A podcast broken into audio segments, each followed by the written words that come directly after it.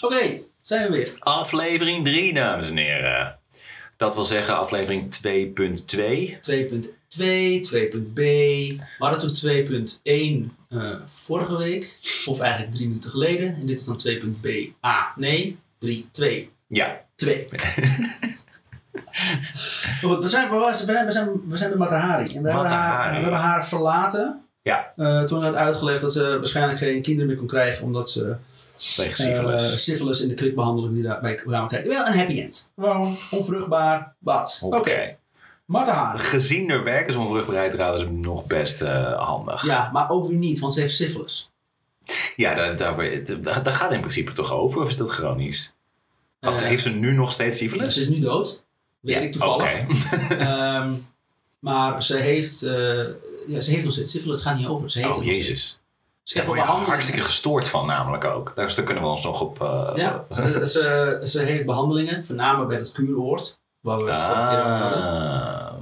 Het kuuroord is ineens een stuk Ja, logischer. ja. dat, ze zegt dat niet, maar Nee. achteraf gezien denk je, het moet wel Ja, dat zijn geweest. dat zal een ding zijn geweest. Maar goed, ze is nu weer bankierloos.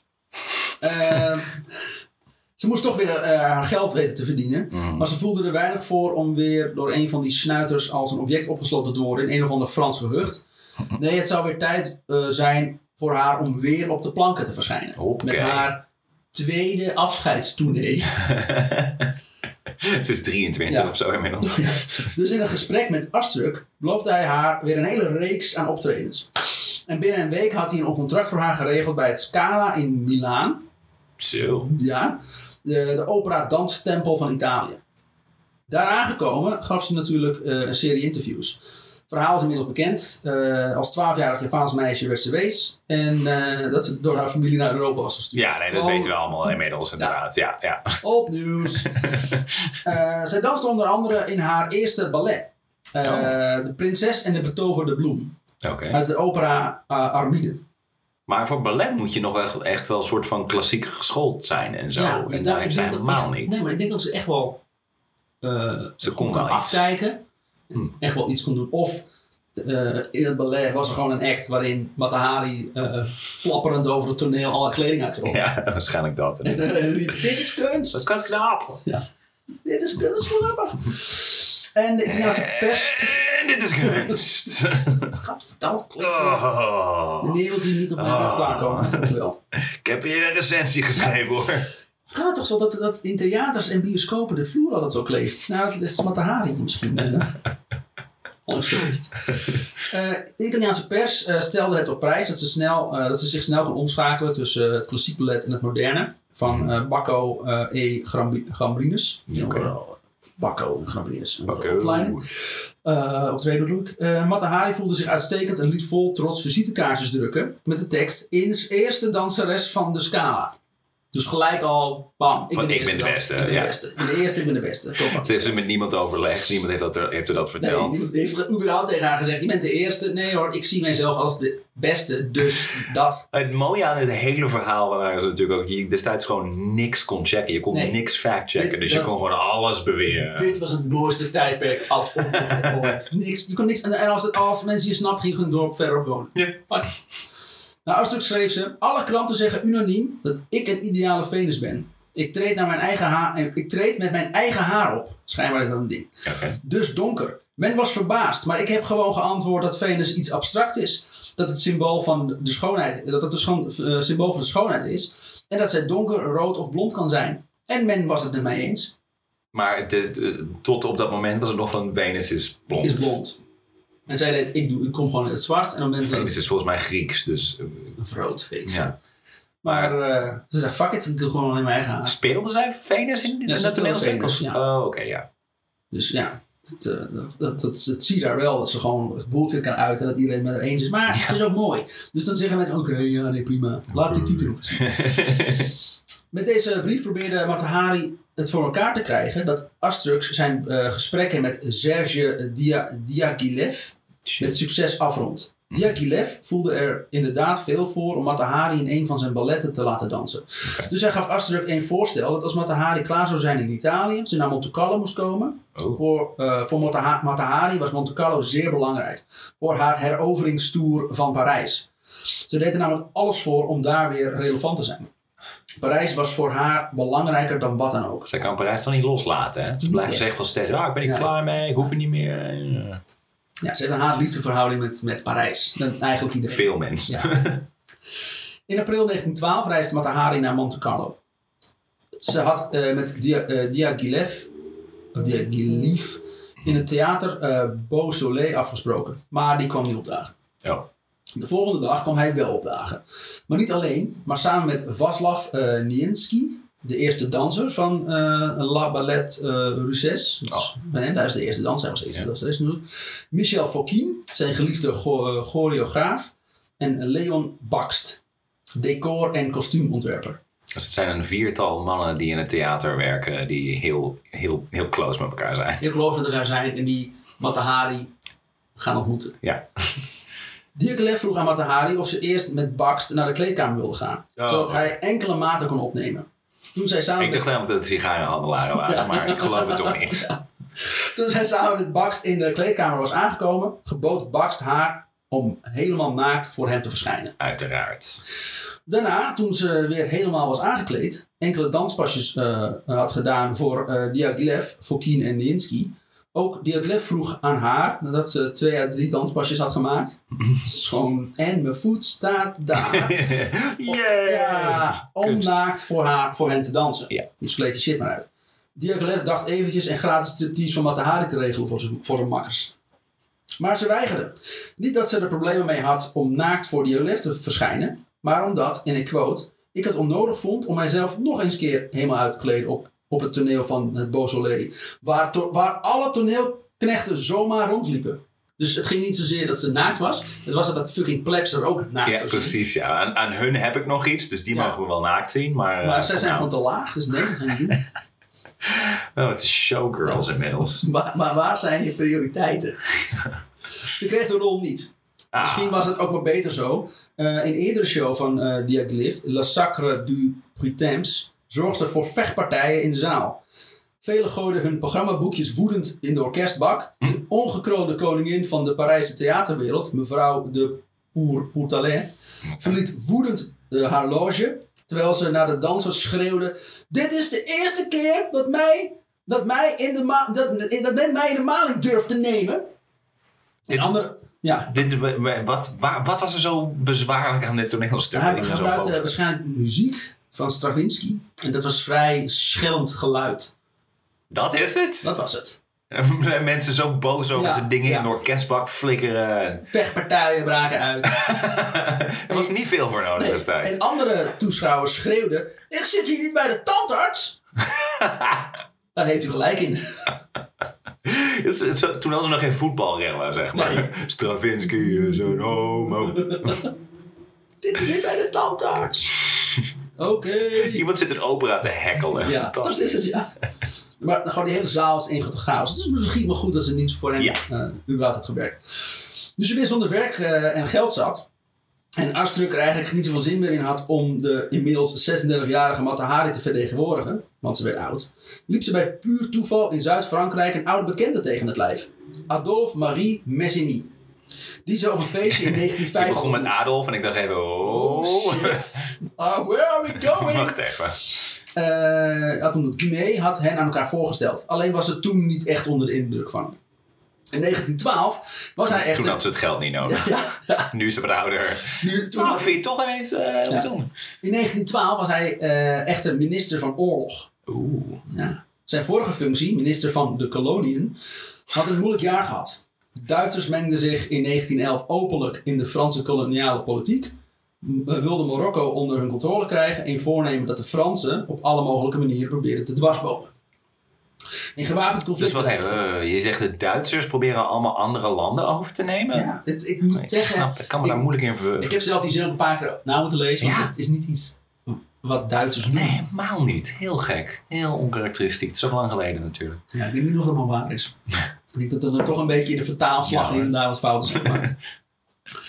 Ehm een gewapend conflict dreigde. Het leger moest gemoderniseerd worden. Voor het parlement zei Messimy, quote, moderne legers hebben drie dingen nodig.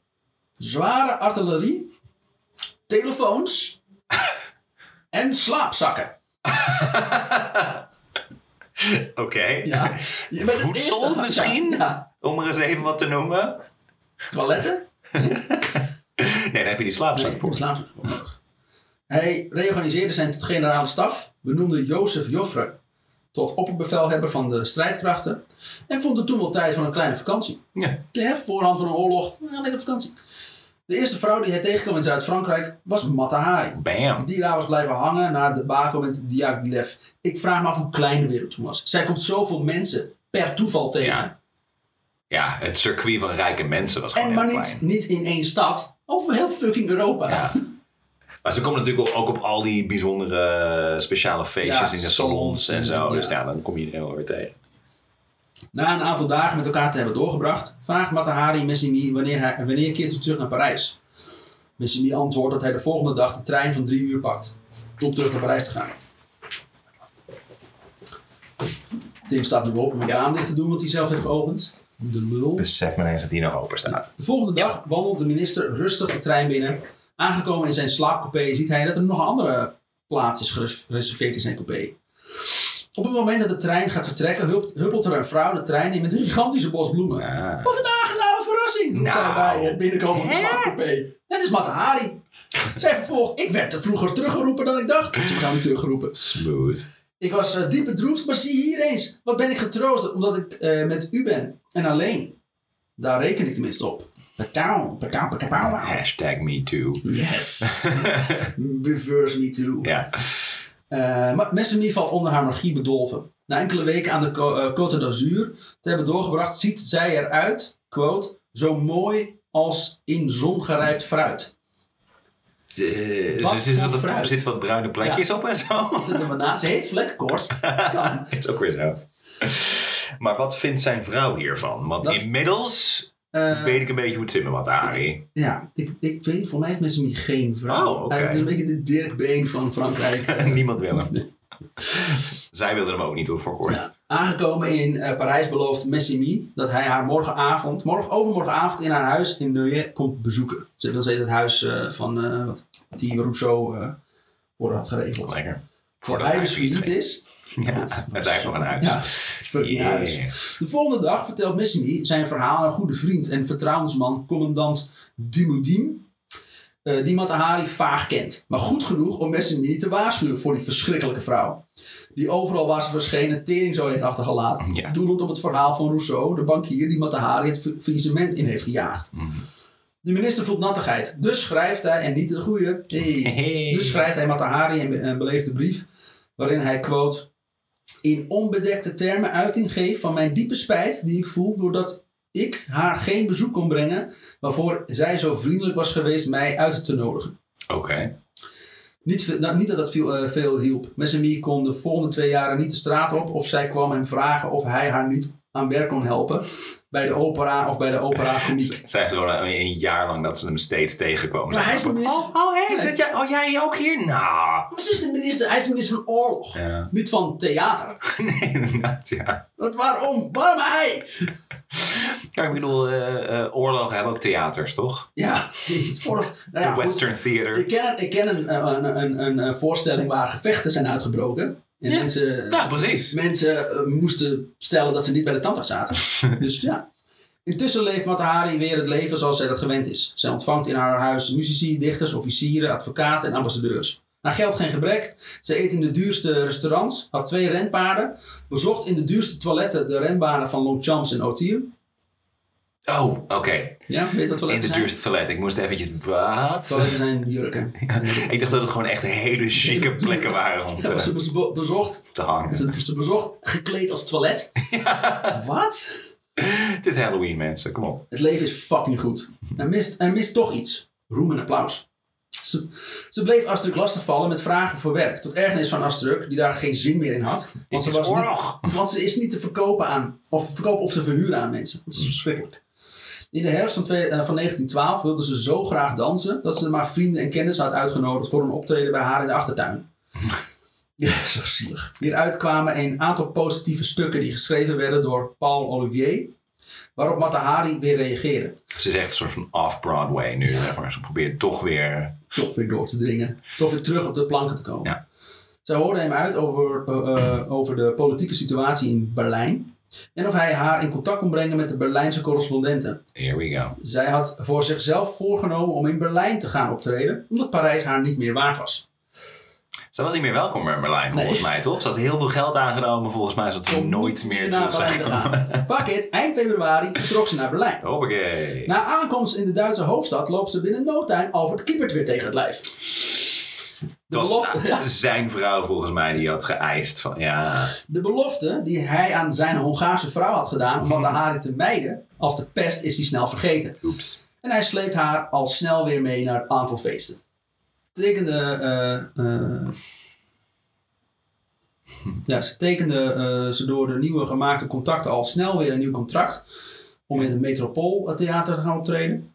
Maar liefst zes maanden lang, van 1 september tot 1914, van 19, eh, 1 september 1914 tot 1 maart 1915 zouden ze optreden. Oké. Dat leverde haar 48.000 rijksmark op. Dus de Eerste Wereldoorlog is inmiddels begonnen. Ehm, zover zijn we nog niet. Nou ja, Volgens mij. 1915 wel.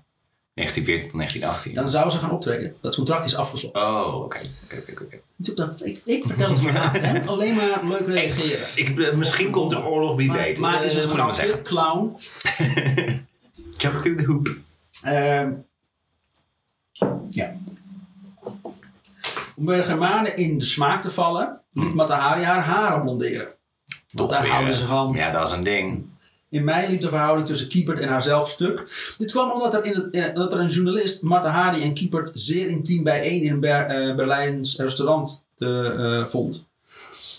De volgende dag stond er in zijn krant: Frankrijk heeft Oostenrijks Hongaars keizerrijk definitief overwonnen. Dat was natuurlijk een grap. Bedoeld, Frankrijk zou Matahari zijn en de Oostenrijks-Hongaarse eh, de vrouw van Kiepert. En Kiepert zou door de knieën zijn gegaan voor Matahari. Oké. Mevrouw Kiepert was hier gek genoeg niet blij mee. Het is nog wel vrij, eh, vrij omslachtige Ja. manier om te zeggen van hij, hij, hij gaat gewoon vreemd. Ja. En Maar dwong- zij begrepen het. Zij het wel, Ja. vooral omdat ook betaald was. En dwong Kiepert nogmaals een einde te maken aan de relatie. Bij, gaat je weer geld kosten. bij het afscheid zei hij echter wel tegen Matahari: Ik zal je spoedig in, in Parijs zien.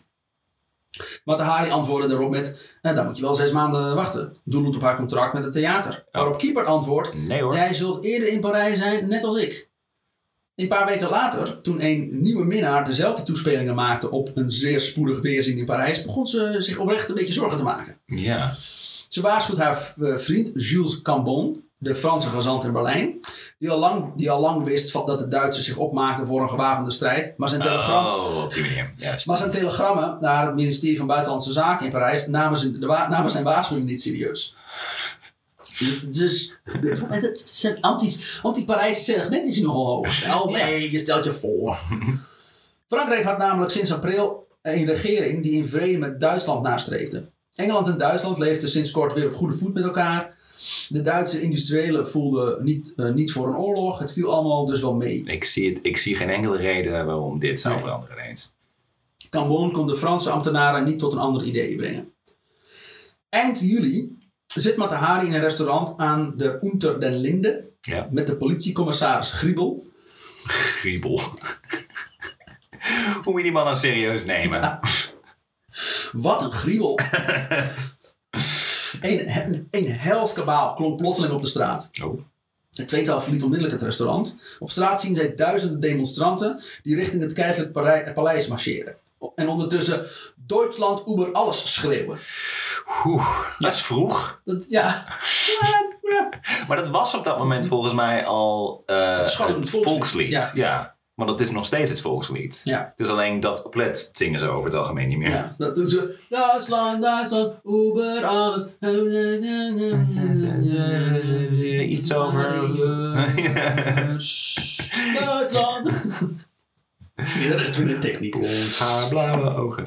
Eh, na ongeveer eh één uur verschijnt Wilhelm op het eh, balkon en zegt, quote... Ik heb twintig jaar de vrede beschermd, maar nu ben ik gedwongen mijn zwaard te trekken. Oeh. Op 28 juni in Sarajevo was, de, was namelijk de Oostenrijkse aartshertog Frans Ferdinand, eh, die ook eh, vaak eh, optreedt met, met, met beentjes, Ja, inderdaad, ja. eh, door een Servische nationalist vermoord. Het Oostenrijks-Hongaars keizerrijk had al langer moeilijkheden met Servië. Mhm. Eh, Deze keer besloot de, eh, besloot de Oostenrijkse keizer niet terug te schikken, schrikken voor de Servische nationalisten. Voordat hij hun de oorlog verklaarde, vroeg hij eerst rugdenking aan Duitsland. Ja. Eh, keizer Frans Jozef wist goed dat de Russen op het strijdtoneel zouden verschijnen als hij Servië de oorlog, oorlog zou verklaren. Ja. Daarom had hij de Duitse steun nodig. Op 5 juli werd het verdrag tussen Berlijn en Wenen getekend. Frans, de levende Frans, aarzelde nog enkele weken. In de Europese regeringscentra steeg de spanning met de dag. Op 28 juli, precies een maand na de aanslag, verklaarde de keizer eh, van Oostenrijk-Hongarije de oorlog aan Servië. De volgende dag mobiliseerde Rusland haar leger. Ja. Op 31 juli zond Duitsland een ultimatum aan de Russen waarin de demobili- demobilisatie werd geëist. Mhm. Rusland weigerde aan het Duitse ultimatum gehoor te geven. Op 1 augustus verklaarde de Duitse keizer de oorlog aan Rusland. Twee dagen later deed hij hetzelfde aan Rusland trouwste bondgenoot Frankrijk. Een dag tevoren had Berlijn de Belgen om vrije doortocht voor haar leger naar Frankrijk gevraagd. België weigerde. De Duitsers leger strokken België binnen. Daarmee de, de neutraliteit van het land schendend. Ja. Dit feit bracht Engeland in de oorlog. Op 6 augustus verklaarde Oostenrijk-Hongarije de oorlog aan Rusland. Vier dagen later verklaarden Engeland en Frankrijk tenslotte de oorlog aan Oostenrijk- en Hongar- eh, Oostenrijk-Hongarije. Binnen één week was Europa in een slagveld aan tegen, tegengestelde belangen veranderd. Ja. De wereld stortte ineen. Het mooie tijdperk, het Belle Époque, was aan een vreed einde gekomen. Mhm. En dat terwijl volgens mij de keizer van, van Duitsland, zeg maar, die was, vol, dat was wel een, een neef van de tsaar of zoiets. Heel veel van die gasten waren allemaal Tsaar familie en, van elkaar. en Engeland had ook Duits bloed. Ja. Dat was voor mij een neef van, van eh, Wilhelm. Eh, ondertussen verkeerde Matahari in blinde paniek. Zij had dit alles wel een beetje zien aankomen Mhm. door haar gesprekken met verschillende Duitse officieren. Maar dat alles binnen één week completely fucked zou zijn, had ze niet gedacht. ze wilde geen minuut, nog geen minuut langer in Berlijn Wat blijven. betekent dit voor mij? Ja. Oh, mijn theatertour is verdubbeld. Berlijn was veranderd in een stad van, van de kunsten naar een complete chaos. Stations stonden, stonden vol rijen soldaten eh, die hen naar het front zouden brengen. Op de perron stonden duizenden huilende vrouwen afscheid te nemen. In de straten liepen demonstranten met nationalistische leuzen. Theaters werden blij gesloten. dat dat nooit meer is gebeurd Nee, daarna gewoon dat ze gewoon een les hebben geleerd. Misschien moeten we gewoon wat chill, chill doen. Gewoon rustig aan. Wat brengt dit ons? Theaters werden gesloten. En de politie arresteerde aan de lopende band buitenlanders. Oeh. Ja, Matahari moest hier weg. En wegens een force majeure. Maar is ze Nederland. Nederland is natuurlijk neutraal. Ja. Dus wat dat betreft is ze niet per se... Nee. Als ze Fransen zijn geweest, was het een stuk erger Dus, geweest. ja, was gewoon gelijk gearresteerd en Ja. waarschijnlijk neergeschoten. Eh, ze moest hier weg. Dus vanwege een force majeure, een force majeure kwam ze onder het contract uit met haar theater. Ja. Ehm, ze had nog wel een rekening openstaan bij een kostuummaker. Die via de rechter beslag legde op al haar bontmantels en juwelen. Ik wil zeggen, ze had op zich niet heel veel kostuum als ze danste. Dus daar Nee. kan ze niet zo heel veel Nee, geld aan. een paar sluiers. Klaar. Eh, bij elkaar in waarde van 80.000 franken. Ze was veel minder verschuldigd. Waarschijnlijk ook omdat ze geen, niks aan hoefde. Maar durfde niet te protesteren uit angst voor een arrestatie. Ja. Op zich logisch. Eh, op 6 augustus vluchtte ze uit Berlijn. Zij wilde via Zwitserland naar Parijs terugkeren. Dus niet naar Nederland, ze wil naar Parijs. Ja, fuck. Nederland. Ja. Ja. Niet in Nederland waar op dit moment de enige is. plek waar er geen oorlog is. Ja. Fuck Nederland. Nee, niet Nederland. Ehm, omdat ze geen uitreisvisum had, werd ze bij de grens met Zwitserland staande gehouden. Ja, kun je De wachten. volgende dag reisde ze maar weer terug naar Berlijn. Het probleem was alleen dat ze al haar bagage al vooruit had gezonden naar Zwitserland. Oh shit. Kisten vol kleding, sieraden en persoonlijke bezittingen. Ah. Die bagage zal ze nooit meer terugzien. Wat was het plan ook zo? Van ik, ik, ik, ik charmeer me daar wel even doorheen. Ja, maar ook- Over de grens. Hoe vervelend is het als jij eh, gaat vliegen en dat je je koffer kwijtraakt? dat, Ja, dat, dat is- maar dan je leven, Ja, zeg want maar. dat is dan, ik weet niet waar die is. Zij heeft al de shit gestuurd naar Zwitserland. Ze wist waar het stond. Ze kon er niet heen. Binnen een paar dagen eh, had de oorlog haar totaal geruineerd. Ja. Een week later verlaat ze Berlijn opnieuw. Op 15 augustus arriveerde zij in Frankfurt, waar ze op het Nederlands consulaat een inreisvisum voor Nederland haalt. Ja. Een dag later kwam ze aan in Amsterdam, bloed en moe.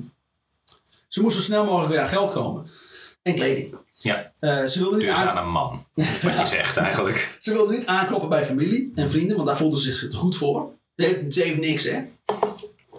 En ze, ze komt uit Maar ze Nederland. is dus in haar hoofd nog steeds koningin. Nee. En familie van een Ja. Javaanse prins. Dus en, de, eh, en, de, en de vader is Suprachetti, weet ik veel. dat, dat, dat ligt eraan welke week het is. Ja. dus ze verleidde een Amsterdamse bankier. Oké. Zei tegen hem dat ze een Russische vluchteling was. Ik ben een Russische vluchteling. Nou, want daar ben ik nog niet geweest namelijk. De bankier kreeg medelijden, voorzag haar van de nodige toiletten en installeerde haar in het Victoria Hotel. Is het omdat ze syfilis heeft dat ze zoveel verschillende toiletten nodig Ik heeft? denk het, ja. Ze, Jezus. neemt haar eigen toilet mee. Destijds dacht ze nog dat als je op dezelfde bril zit van een syphilis, Dat is ook zo, ja. dat je dan waarschijnlijk ook het zou krijgen. Maar goed, dat zijn, dat zijn jurken. Ehm eh, blablabla. Voorzag haar van de nodige toilet en installeerde haar in het Victoria Hotel. Toen dacht hij, wat is er nu leuker om een tour te geven door Nederland? Maar toen hij erachter kwam dat zij Nederland beter kende dan hij, maakte hij een einde aan de verhouding. Oké. ik, ik dacht echt dat je ging zeggen van het idee van haar om terug te gaan naar Friesland was echt van fuck dat, ik ben weg hier. Nee. Maar het is gewoon heel erg duidelijk dat Ja. ze Nederlands was. Oh, dat ken ik. Ja. Waar is je accent? Huh? Oh, sorry, ik ben eh, nu opeens een ander Russisch. Ja. Wat eh, aardappelen. Ze mocht wel al de shit houden die hij aan haar had gegeven. Wat de Harry begon Nederland een beetje saai te vinden. Er was niet zoveel te beleven als in andere landen. Vergeleken met Pa- eh, Parijs, Berlijn en Londen was Amsterdam een dorp. Amsterdam was klein. Achter het concertgebouw begonnen de weilanden al. Ze vond dat Nederland achterliep op de rest van de wereld. Wat ook irriteerde is dat toen zij aankwam in Nederland, de impresario's niet voor haar deur stonden te trappelen om haar werk aan te bieden. Dus niet alleen ze krijgt geen werk, het is meer van me- ze wordt, zij wordt niet gevraagd voor Ja. werk. Dus en, en zelf erop uitgaan, zeg maar. ja, zelf had ze geen zin om een impresario op te zoeken. Nee, daar is te goed voor. Ja. Eh, ze kon beter wachten totdat de oorlog voorbij zou zijn. Iets waarvan destijds werd gedacht dat het hooguit een paar weken tot een paar maanden zou gaan duren. Ja. Oh, de onschuld. maar ze wilde nu iets doen. Iets om haar tijdens de oorlog bezig te houden. Dus besloot ze zich te verdiepen in spionage. De, Ze ze toch een gezellige gezelligheidsvereniging moeten zoeken. Ja. Dat was beter geweest. de Nederlandse kranten spraken Dus destijds... even, spionage was een hobby voor haar. Ja, ook voornamelijk omdat de Nederlandse kranten eh destijds heel erg over spionage hadden. Dus dat was Oh, dus wat op de voorpagina stond. Ja. En ze wil graag op de voorpagina staan. Oké. In spionage. Dus schrijft Waarom, waarom kon syphilis niet op de voorpagina staan? Ja. Shit. Daar was ze al heel erg goed mee bezig. Flink ook. Dus schreef ze enkele brieven aan Messini, dus het, die minister van Oorlog. Hm. Of zij misschien kon worden toegelaten tot, eh, tot de Franse inlichtingendienst. Wat moet hij hebben gedacht trouwens? Oh, jezus, heb je haar Ik weer. Niet. Nee, ik het ik kan geen optreden voor je regelen. Ah, ik zit niet meer op straat. Nu krijg ik brieven of ze spion worden. Wat is er mis met? Prima, doe dat dan maar. Damn it. Ehm Messini schreef haar terug, dat ze dat ook nog terugschrijven, zo netjes wat Ja. dat ze geen kans had om toe te treden als spion. Ja. Twee maanden later eh, trad hij trouwens toch af. Hij kreeg de schuld van de gebrekkige Franse verdediging tijdens de Duitse invasie.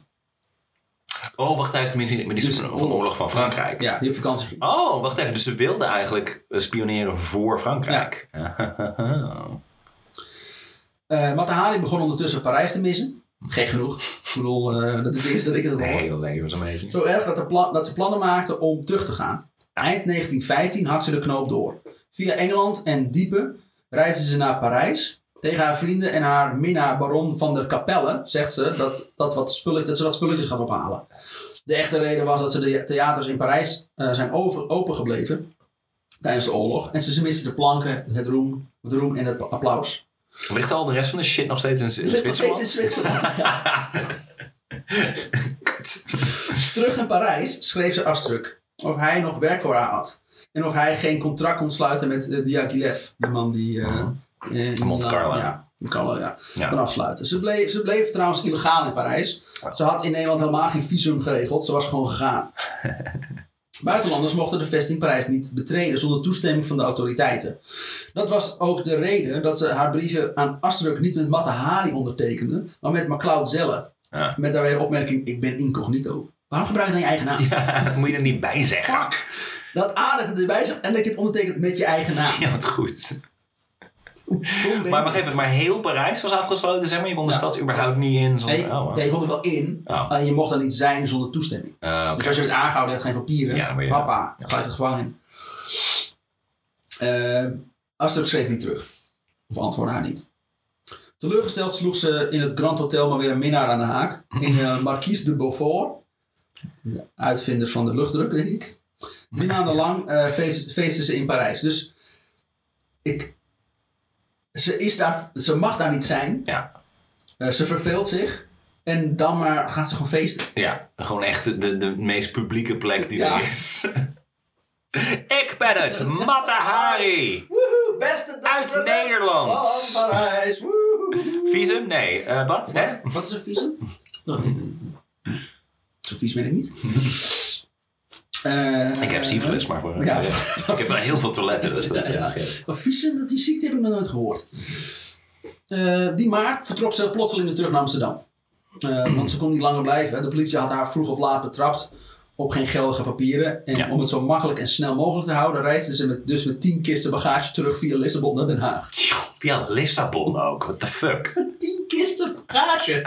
Je moet snel terug naar Amsterdam. Ja. Ja, pak even tien kisten bagage in. Maar goed dat zij nooit Lekker brand heeft gekregen in haar huis. Snel, pak met tien kisten. Stuur ze via Alleen de meest waardevolle dingen. Het is een noodgeval.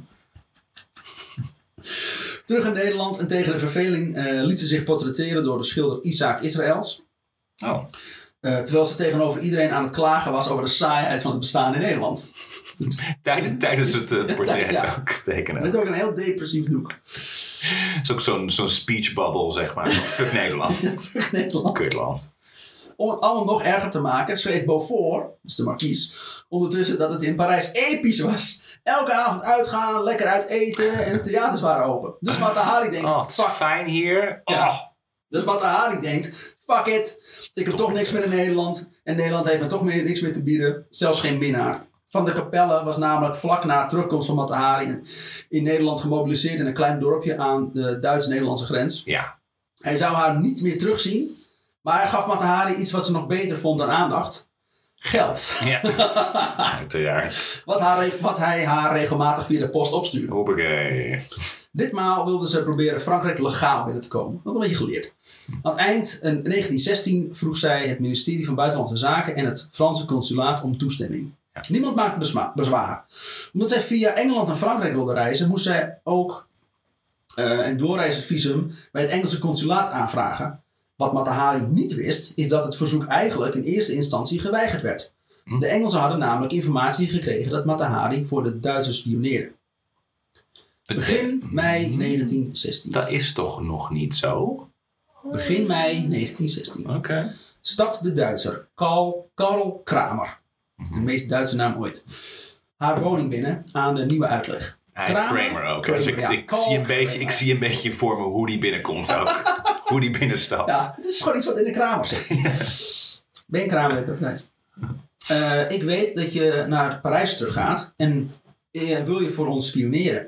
Als je dit aanbod accepteert, dan ontvang je per direct 20.000 Franse franken. Dit staat in, een- in een brief die vanzelf in brand vliegt. neem Ja, aan. ja. oké. Eh, dat is niet veel, antwoordt Matahari. Oeh, nice. Voor de Duitse spion is het aanbod eigenlijk fucking hoog. Eh, eh, ze kregen hier namelijk altijd iets van 3000 franken voor. Ja. Maar, wacht maar ze, ze werd dus al verdacht van spionage nog voordat ze aan het spioneren was? Nee, nee, dit is wat zich afspeelt Ah, voordat ze naar Engeland flashback, juist. Ja. Ah, oké, oké, oké. Eh, dus Kramer geeft toe dat het bedrag eigenlijk wel iets aan de lage kant is. Terwijl het eigenlijk hoog is. maar ze moest, moest eerst bewijzen dat zij werkelijk meer waard was. Uh, Matahari gaf niet gelijk antwoord. Maar schreef de volgende dag een brief aan Kramer dat hij het geld kan komen brengen. Hij bracht geld, drie potjes met geheime inkt. Oké, En ze moest al haar brieven eh, ondertekenen met H21. Dat was haar eh spionencode. juist. Van het, vanaf het begin eh, was het spionageplan gedoemd te mislukken. De Engelsen wisten namelijk dat Kramer de leiding van de Duitse spionagedienst in Nederland had. Ah, En hij werd elke minuut van de dag geschaduwd. Juist, dus ze wisten meteen... Ja, dus nadat Kramer tweemaal, nadat Kramer t- Matahari tweemaal had bezocht, stond zij bij de geallieerden gelijk bekend als een verdacht persoon. Ja, Maar ze besloten toch om haar het visum te geven. De Engelsen maakten ook geen moeilijkheden toen het schip anderhalve dag in Falmouth lag. Mhm. Wel stuurden ze een bericht naar de Franse spionagedienst met de mededeling dat over enkele weken een Matahari, alias mevrouw McLeod eh, Zelle, Mhm. Frankrijk zou binnenkomen en dat het een persoon was die men in de gaten moest houden. Oké. Ik vind het heel, heel bizar dat ze nog steeds... Het, het eigenlijk al weten dat ze nog steeds gewoon daarheen Waarom naartoe? Je weet toch dat ze dat is. Dus dan is het perfect om hen in de gaten te houden. Ja, dan kun je des, desnoods Je gaat niet iemand oppakken zo. ah, verdenk je van iets, je hebt nog niks gedaan. Eh, Nee, ik ga eerst kijken wat je doet. Oké. Het lijkt, het lijkt me desalniettemin geen goede zet. Nee, nee. Maar oké, alright.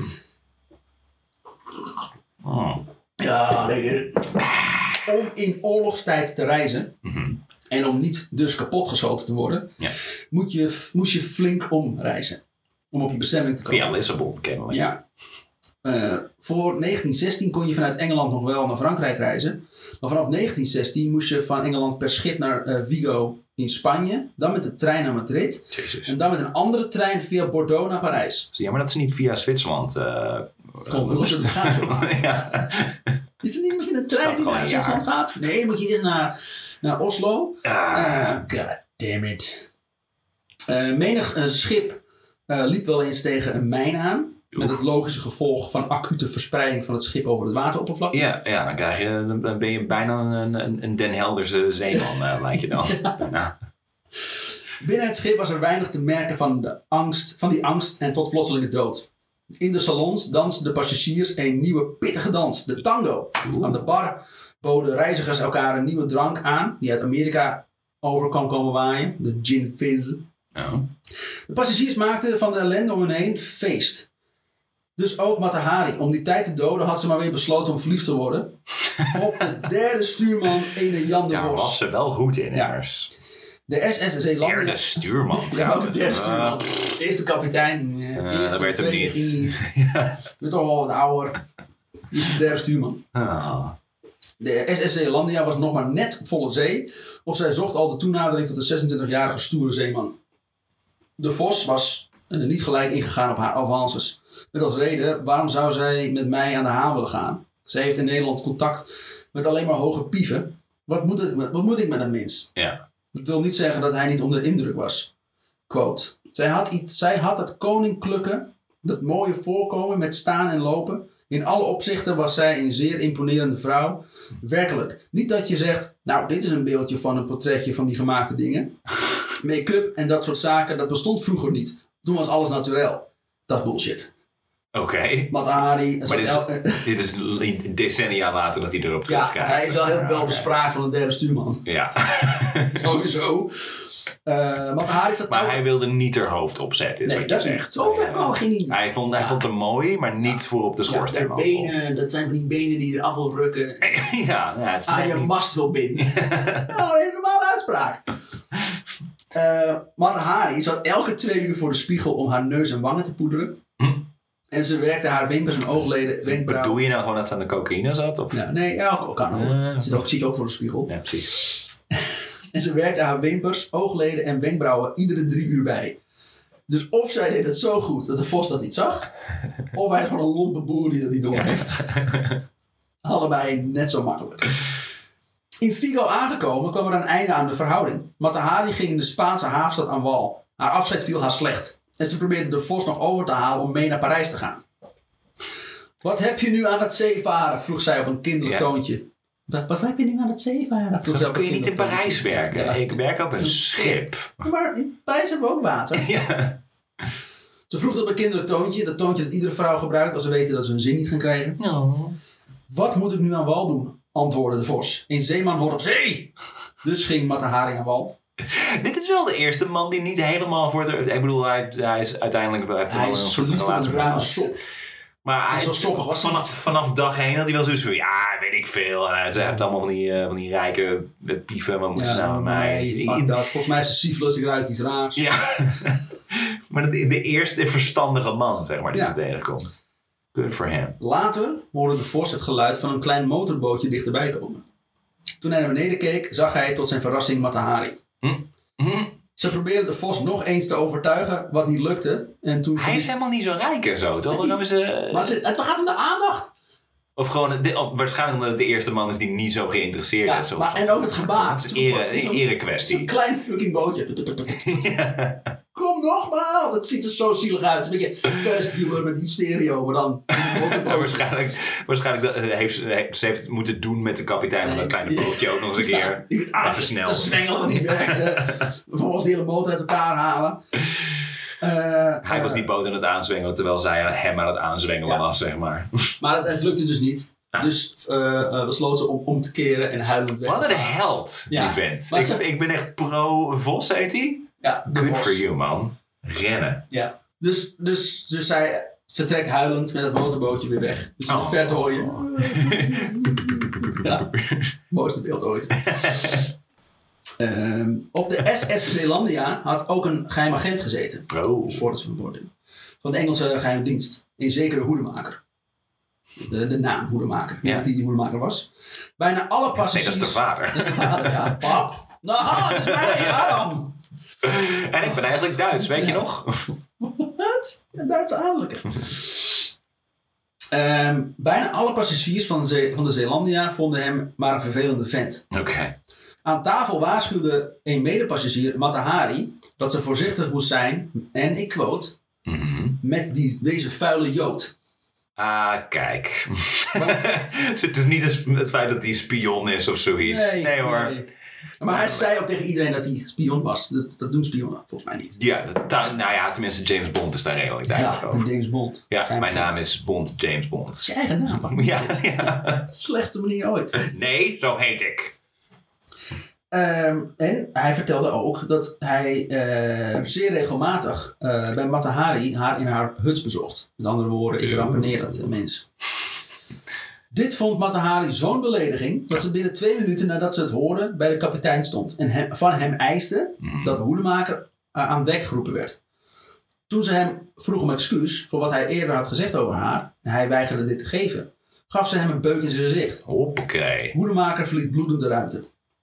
Hoedemakers leven eindigt trouwens eh, zeer dramatisch. Hij pleegde in 1920 zelfmoord Oeh. en zijn zoon werd later in Auschwitz vermoord. Oh, jezus. Overigens ontkent de Engelse geheime dienst ooit Hoedemaker in dienst te hebben gehad.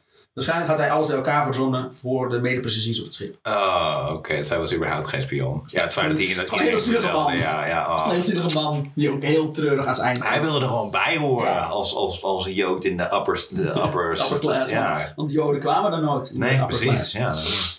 Vanaf dit moment kon Matahari niet meer stuk bij de medepassagiers. Half juli arri- arriveerden zij in Parijs. Maar het is vooral omdat ze de jood van het schip ja. heeft gekregen. Oh, ik, mag, ik, ik mag er nu wel. Ja, die Joost vol op zijn dikke neus geslagen.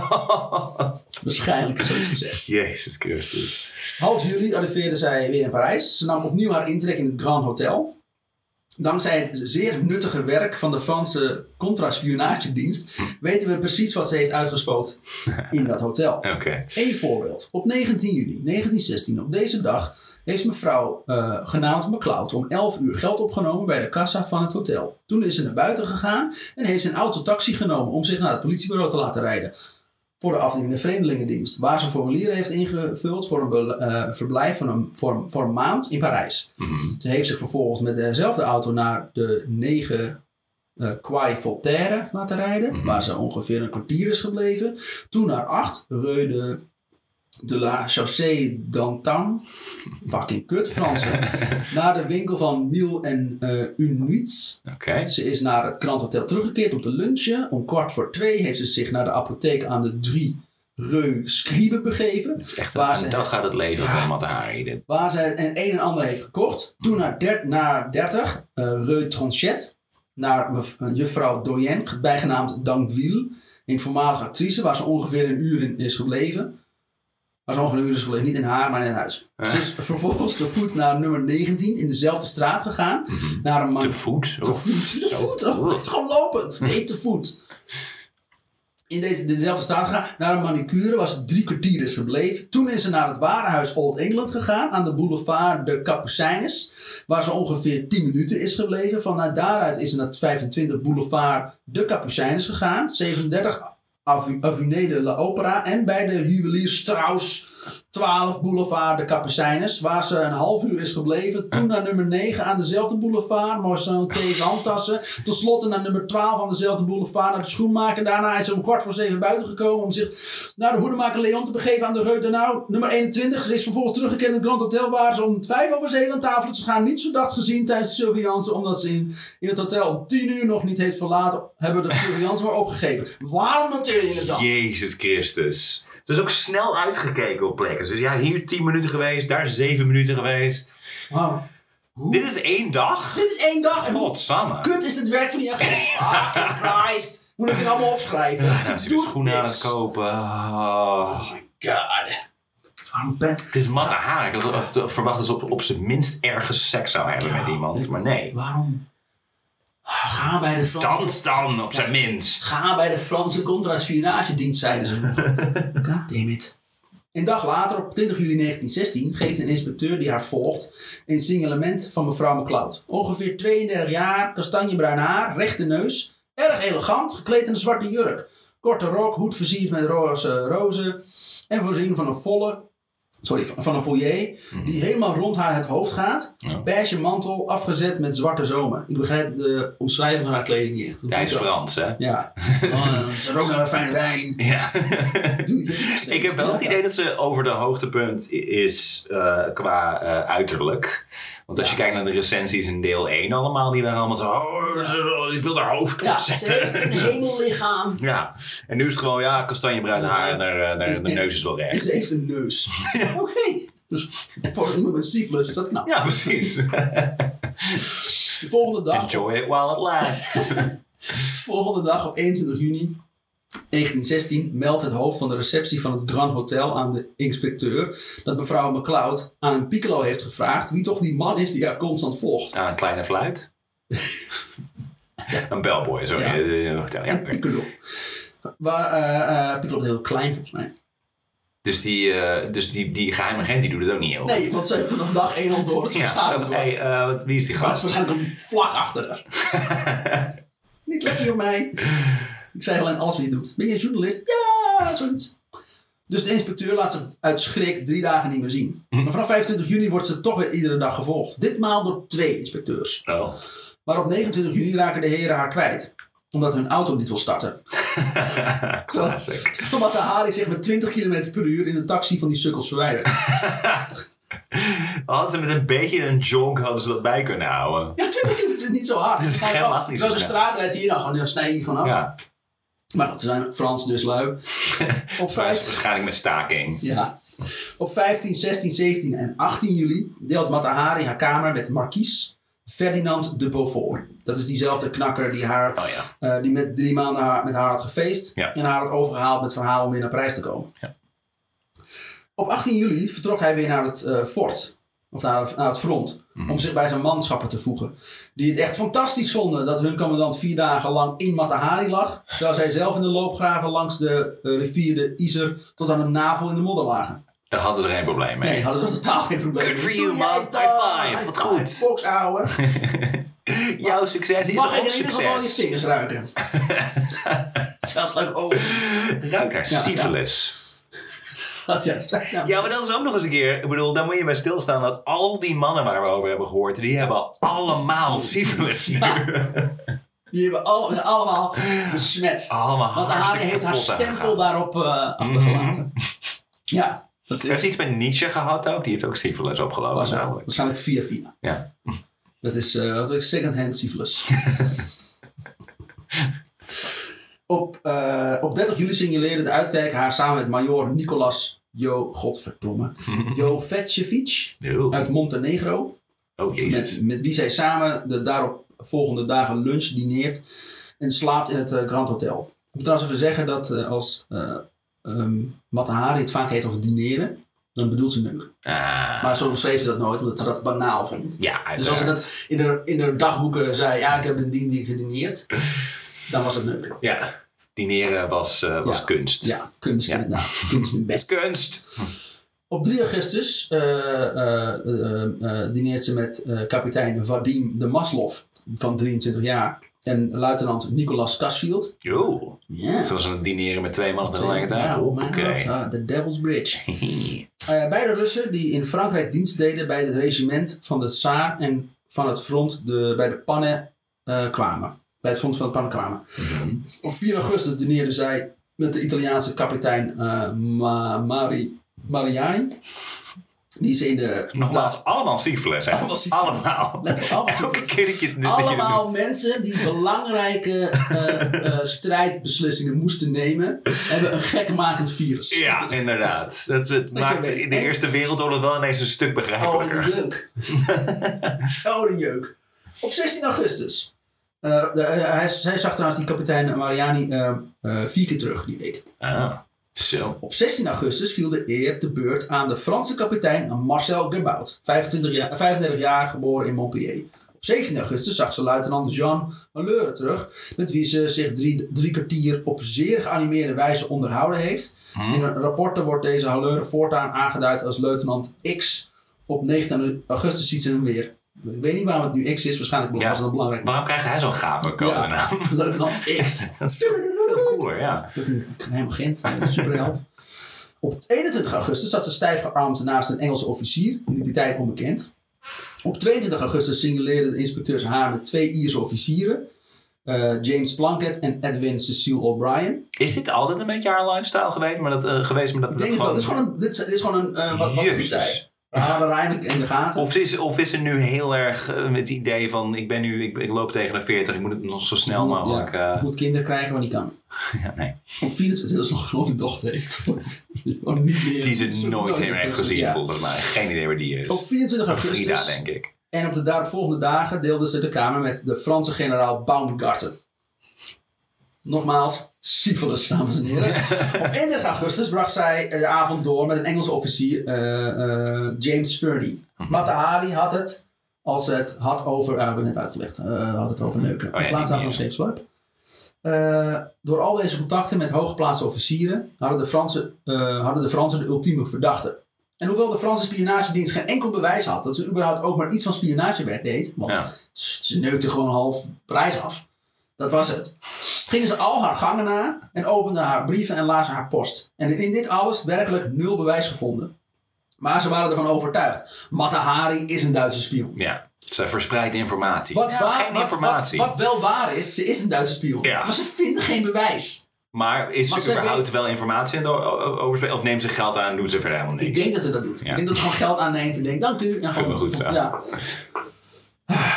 Wat hem nog verdachter maakte, was dat hij in contact kwam met die Franse generaal Baumgarten, die voor een missie naar Parijs was gekomen, logeerde in het Grand Hotel en al spoedig in de armen van Matahari lag. Ja, want hoezo is er een, Duitse generaal in Frankrijk in oorlogstijd? Dat is toch vreemd? En een Franse generaal.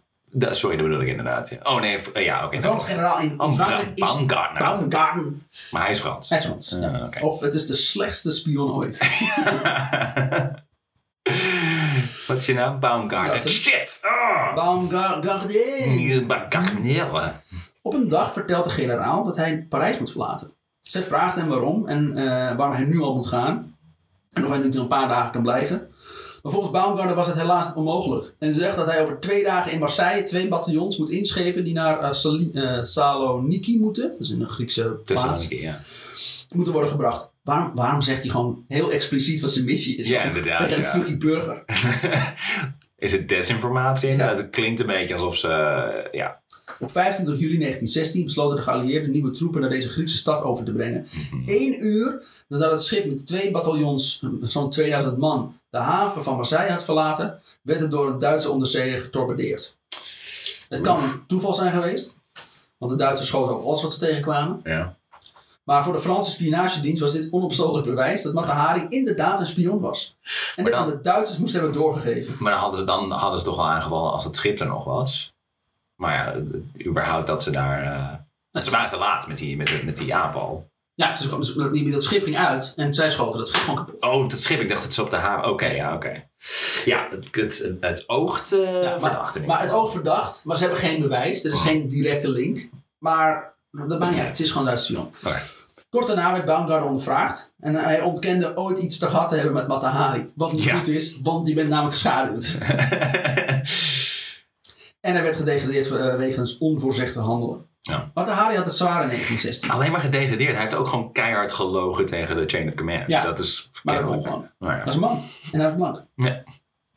Eh Matahari had het zwaar in 1916. Niet vanwege de oorlog en alle gruwelen die daarbij komen kijken. Of de syphilis. Ja, of, dat ze al, of dat ze al haar familie mist. Of dat ze haar dochter mist. Of dat ze niet meer kan dansen. Maar voornamelijk omdat ze doorhad dat ze ouder werd. Ik had sowieso niet verwacht dat ze de dochter misten. Want die hebben namelijk helemaal niks meer over gehoord. Iets wat ze niet kon verdragen. eh omdat ze ouder werd. Ze liep daarom ook vaak depressief in zwarte mantels rond. Ook in de zomermaanden. Jezus. Eh, de enige die haar konden laten... of, eh, die, Dus zelfs de depressie is heel theatraal. Kijk eens hoe verdrietig ik ben. Oh. eh, de enige die dat, haar konden laten vergeten... dat ze geen beeldschone jonge vrouw meer was... waren jonge knappe mannen. Yep. Het liefst in uniform. Op de Zeelandia was dat Jan de Vos. In Parijs was haar nieuwe vlam Vadim de Maslov. Die knakker van 23. Ja, ja. Die zij in juli ontmoette in een Parijse salon. Op 3 augustus dineerde zij een avond lang met deze telg uit de voornamische, voornaam Russisch geslacht. Hij was 23 jaar toen hij Matahari voor het eerst ontmoette. Zit die gast in Montenegro? Nee. Oh. De Maslov Er was... zijn er inmiddels wel veel mannen bij, Heel namen. Ik ben ook een beetje... Ik, inmiddels ben ik wel, weet ik wel wie wie is, maar er zijn echt heel veel, heel veel namen. Fair enough. Ehm, de Maslov was in dienst bij het eerste keizerlijke regiment van Frankrijk. Een regiment dat uit, eh, Rus, dat uit Russen bestond die ten tijde van het uitbreken van de oorlog in Frankrijk woonden, werkten of studeerden. De Maslov zou de hele septembermaand in Vittel doorbrengen, Kuroor. Matahari twijfelde geen moment en sprak met hem af dat zij ook naar Vittel zou komen. Ja. Vittel lag echter in een voor buitenlanders verboden militair gebied. Maar ze vraagt haar vriend eh, Jean Helleur of er geen mogelijkheid bestond of zij toch naar het Kuroor zou kunnen vertrekken. Ik, ik heb het wel echt heel erg nodig, namelijk. Ja. Ik weet niet of je mijn vagina hebt gezien, maar... Ja, het ik inmiddels moet naar een camembert. Namens iedereen in Parijs. Wordt het tijd goed, goed, ja, goed, ja, schoon gestraald wordt. Ehm, eh, of ze er niet naar kan vertrekken. De luitenant zei, om Vittel binnen te komen moet je een speciaal pasje hebben. En dat pasje kun je ophalen op het kantoor aan de boulevard Saint-Germain 282. Heel specifiek. Heel specifiek adres. De volgende dag bezocht zij het kantoor. Liep een lange gang door. Kwam uit bij een deur waarop stond verboden toegang. Dacht, nou, je, kan, zal het wel wezen. Weet je wel wie ik ben? Ik ben Deed- Matahari, ja. ja, hoppakee. Deed de fucking deur open. En stond oog in oog met kapitein Georges Lodot. Hoofd van het tweede bureau. De contra-spionagedienst van Frankrijk. Yeah. Lodot, een man met een vierkant hoofd. Wat? Het lijkt me niet handig in de, in, in de spionage. Gewoon. Wordt onopvallend, moet je het horen. Ik zoek hem er zo tussenuit. Zijn linkeroog is een driehoek. Oké. Maar hij is een cubistisch schilderij. Ja, oké. ja. Hij heeft een bril en een snor. Ook nog. Even tussenbij. Begon toen Matahari nog nauwelijks op het stoel zat met... Men zegt dat u spion bent. En ik heb al het mogelijke gedaan om hier te krijgen. Dit klinkt echt als een film. Ja. Ik heb al het mogelijke gedaan. Ik bedoel, eh, Ja, het is op zich niet zo heel Ik ingewikkeld. heb volgens tegen iemand gezegd dat je hier iets kan ophalen. Ja, ik Is dat gewoon... Ik heb jaren aangewerkt aan dit plan. Ik heb van de Engelse spionagediensten gehoord dat u voor de Duitsers werkt. Maar die verhaal geloof ik niet. Hij wil er even persoonlijk vertellen van... U wordt, je, je wordt verdacht, maar ik vind... eh, Maar ik vind het jij bent zo mooi. Ja, dat, jij doet dat Maar nooit. de meeste lach is nou, het lach is. Een mooi hoofd heb je toch. Zo, hoe Dus zou die op mijn schoorsteenmantel staan? Ja. Eh, ik geloof, Lado kon voor Matahari aan een vergunning voor Vittel komen, maar dan moest hij wel voor Frankrijk spioneren. Ah, Dus Matahari, die net te horen heeft gekregen dat vanaf moment 1 iedereen al door heeft dat hij een spion is, krijgt nu het aanbod om voor de Fransen te spioneren en neemt uiteraard de meest logische keus. ik hoop heel erg dat dit een soort van dubbelspionachtige situatie is. Zo dan voeren we de desinformatie. Dat die dude niet gewoon heeft gezegd, nee, dat is wel prima. Kan goed. Zij is, zij is een hartstikke goede spion. We hebben al vanaf dag 1 door wie het is. Ja. Ik wil het aannemen. Wie, wie zegt dat? Weet je, ik weet dat u als Eh. kinderjuf al iets van 20 kinderen bent kwijtgeraakt. Wilt u misschien voor ons werken? Zij zegt de bekendste Ja. spion. Een beroemde spion is nooit een goed teken. Nee, nee. Nou, het zegt, het zegt zo'n James Bond, maar dan Ja, vrouw. ja, en met alles wat ja. los en vast zit, stelt aan iedereen voor dat ze spion is. Heel erg. Eh, dansen zat er toch niet meer in tijdens de oorlog. En met spioneren kon ze goed geld verdienen. De Duitsers hadden haar al 20.000 franken betaald. En aan de Fransen kon ze dus veel meer vragen. Jee. Maar tactisch zou het natuurlijk verkeerd zijn om direct ja te zeggen. Maar ik wil zeggen, maar ze kan ook moeilijk zeggen in de onderhandeling zo van... zo van nee, maar de Duitsers betalen me met steeds veel meer. Oh nee, shit. Oepsie, oepsie. Even dansen en dan is het goed. Eh, maar tactisch zou het natuurlijk verkeerd zijn om direct ja te zeggen. Dus ze antwoordt terughoudend en zegt dat, dat men zulke diensten niet aanbiedt zonder dat men erom vraagt. Wat een rare zin is. Dus als ik jou vraag, eh, mag ik spion worden? Dan mag het wel. Maar als jij tegen mij zegt, wil je dat spioneren? Hé, hé, hé, ik ben een dame. Oh, oké. Is het- is als een, een Boeddha-beeld of zo? Dat Ja. je die niet voor jezelf moet kopen, die, die moet je alleen Ja. maar cadeau krijgen of zoiets? Ja, Bullshit. zoiets. Heel select gezelschap. Eh Ledo weet wat ze hiermee bedoelt. Zijn informanten hebben hem al verteld dat Matahari voor alles in is. Hmm. Als er maar een dikke stapel bankbiljetten voor tegenover staat. In, in wat voor vorm tussen de lakens. Maar ze belooft Ledo om, eh, om over zijn voorstel na te denken. Dus je bent Matahari. Je werkt al voor de Duitsers. Je krijgt het aanbod om ook voor de Fransen te werken. Je gaat dus contra-spion worden. Ja. In een wereld die als spion zijn al niet te vertrouwen is, ga je dus een dubbelrol spelen. Dus vanaf nu is niemand meer te vertrouwen. Behalve jezelf en je handler. En zelfs dat vertrouwen is twijfelachtig. Zaak is dus dat je vooral voorzichtig bent met wie je de informatie vanaf nu gaat delen. ik voel hem al een beetje aankomen. Dus s'avonds, toen zij Henri de Marguerre tegen het lijf liep, besprak zij natuurlijk het voorstel van Lalo. Een spionage-thema feestje gegeven meteen. Dat was een beetje het probleem van Matahari. Ze hield ervan om op de voorgrond te treden. En Ja. spionage vond iedereen interessant. En Ja. daarom praten zij er met veel mensen over. Headlines, daar gingen ze voor. En Ja. ja. Ja. Ja. En ze vergat even dat ze juist onzichtbaar moet zijn. Marguerite waarschuwde haar, waarschuwde haar dat met spioneren enige dodelijke risico's verbonden zijn. ja. Maar daar gaf ze geen gehoor aan. Zij beschikte immers over invloedrijke vrienden. En er was geen gevaar. Angst was iets voor gepeupel. Ja, ik voel hem al een beetje aankomen. Het is totaal niet serieus Dat wat aan is. Ze werd geld, dus het vindt alles best. Ze, bes- ze besprak dit niet alleen met Marguerre, maar ook met Jules Cambon en met Edouard Clunet. Dus haar advocaat. Drie mensen. Dus ze, ging, eh, dus ze ging in op het voorstel van Ledo. Ja. Ook omdat die juist voor toegang naar Vittel kon zorgen. Zodat ze bij haar geliefde Maslow kon zijn. Want dat deed ze het ook een beetje voor. Want daar hield ze echt, Echt, van. daar hield ze echt van. Nee, maar deze is echt. Aangekomen in Vittel bezoekt zij een waarzegster. Omdat ze toch een beetje twijfelde over haar besluit om te gaan spioneren voor de Fransen. Nu ze ook al voor de eh, spioneert voor de Duitsers. Maar de sterren geven niet aan dat er onheil nadert. Ik wil zeggen, de waar zegt ze inderdaad. Maar je gaat een hele rijpe oude leeftijd nog bereiken. Gaat je niks overkomen. Niks overkomen, Dit alles alleen maar goed. komen. Heel veel geld in het verschiet. Iets met schieten, ik weet het niet. Dat zal wel zijn. Ehm, dus ze zet haar leven onbezorgd voort Vittel. 's ochtends kuren, 's middags lekker high tea, s'avonds lekker stappen. Ja, ik zie in je toekomst alleen maar winkelen. Ik zie een executieverkoop hier. Ja. Het, eh, ja. De Maslow kon eh, niet elke avond feesten, omdat hij er bijna onderdoor was gegaan bij een gifgasaanval van de Duitsers. Vandaar het kuurwoord ook. Ja, die steeds vaker dit gas ging, eh, gingen gebruiken bij aanvallen. Aan één oog was hij blind geworden. Dus op, eh, op de avond dat hij niet kon, vond Matahari een andere metgezel. Want zoveel hield ze van die jongen. Ja, precies. Dit zinde de Maslow voor geen meter. Dus in een soort van kinderlijke opwelling vroeg hij haar ten huwelijk. Wat? Dat zal wel leren.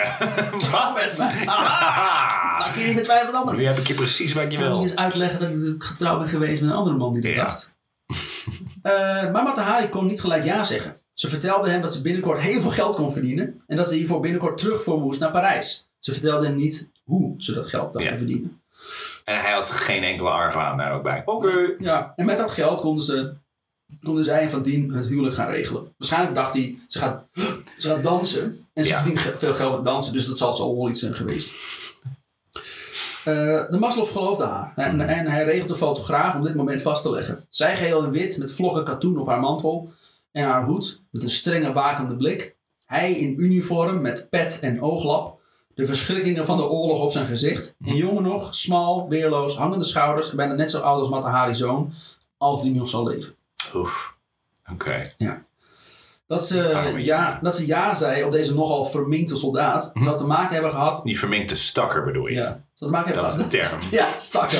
Verminkte Ze hebben in stakker. aflevering 1 geleerd. Zodra je een handicap hebt, dan ben je een stakker. Of Dirk Been. Ja. Ehm, Dirk, Dirk Been was, was meer... Dirk Been was geen been kwijt. Die was een been geworden. Die was de rest kwijt. hij leefde nog wel. Ja. Hmm. Eh, dat ze, nog, dat ze ja zeggen, is nogal verminkte soldaten wat te maken hebben gehad, dat ze zich kapot verveelden.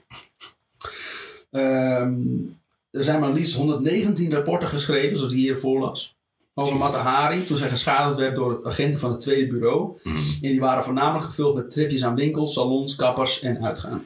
De, Ah, da- de ik vond die eerste al lang. Ja, de man die dat had moeten opschrijven. Kak. Eh, Weer kwam ze erachter. eh, eh, en op een dag, wat, zo, zo het is gescha- geschaduwd, daar kwam ze weer achter. En op een dag stampte ze kokend van woede het kantoor van Ledo binnen. spionage stelde niet Ja. heel veel voor destijds. Waarom word ik geschaduwd? Wat zijn dat voor methodes? U vraagt mij van Frankrijk te spioneren en u laat mij tevens volgen? Ledo antwoordt droog dat hij al zijn toekomstige agenten laat schaduwen. En gaat eigenlijk gelijk over tot de orde van de dag. Wat kan Matahari eigenlijk betekenen voor de Fransen?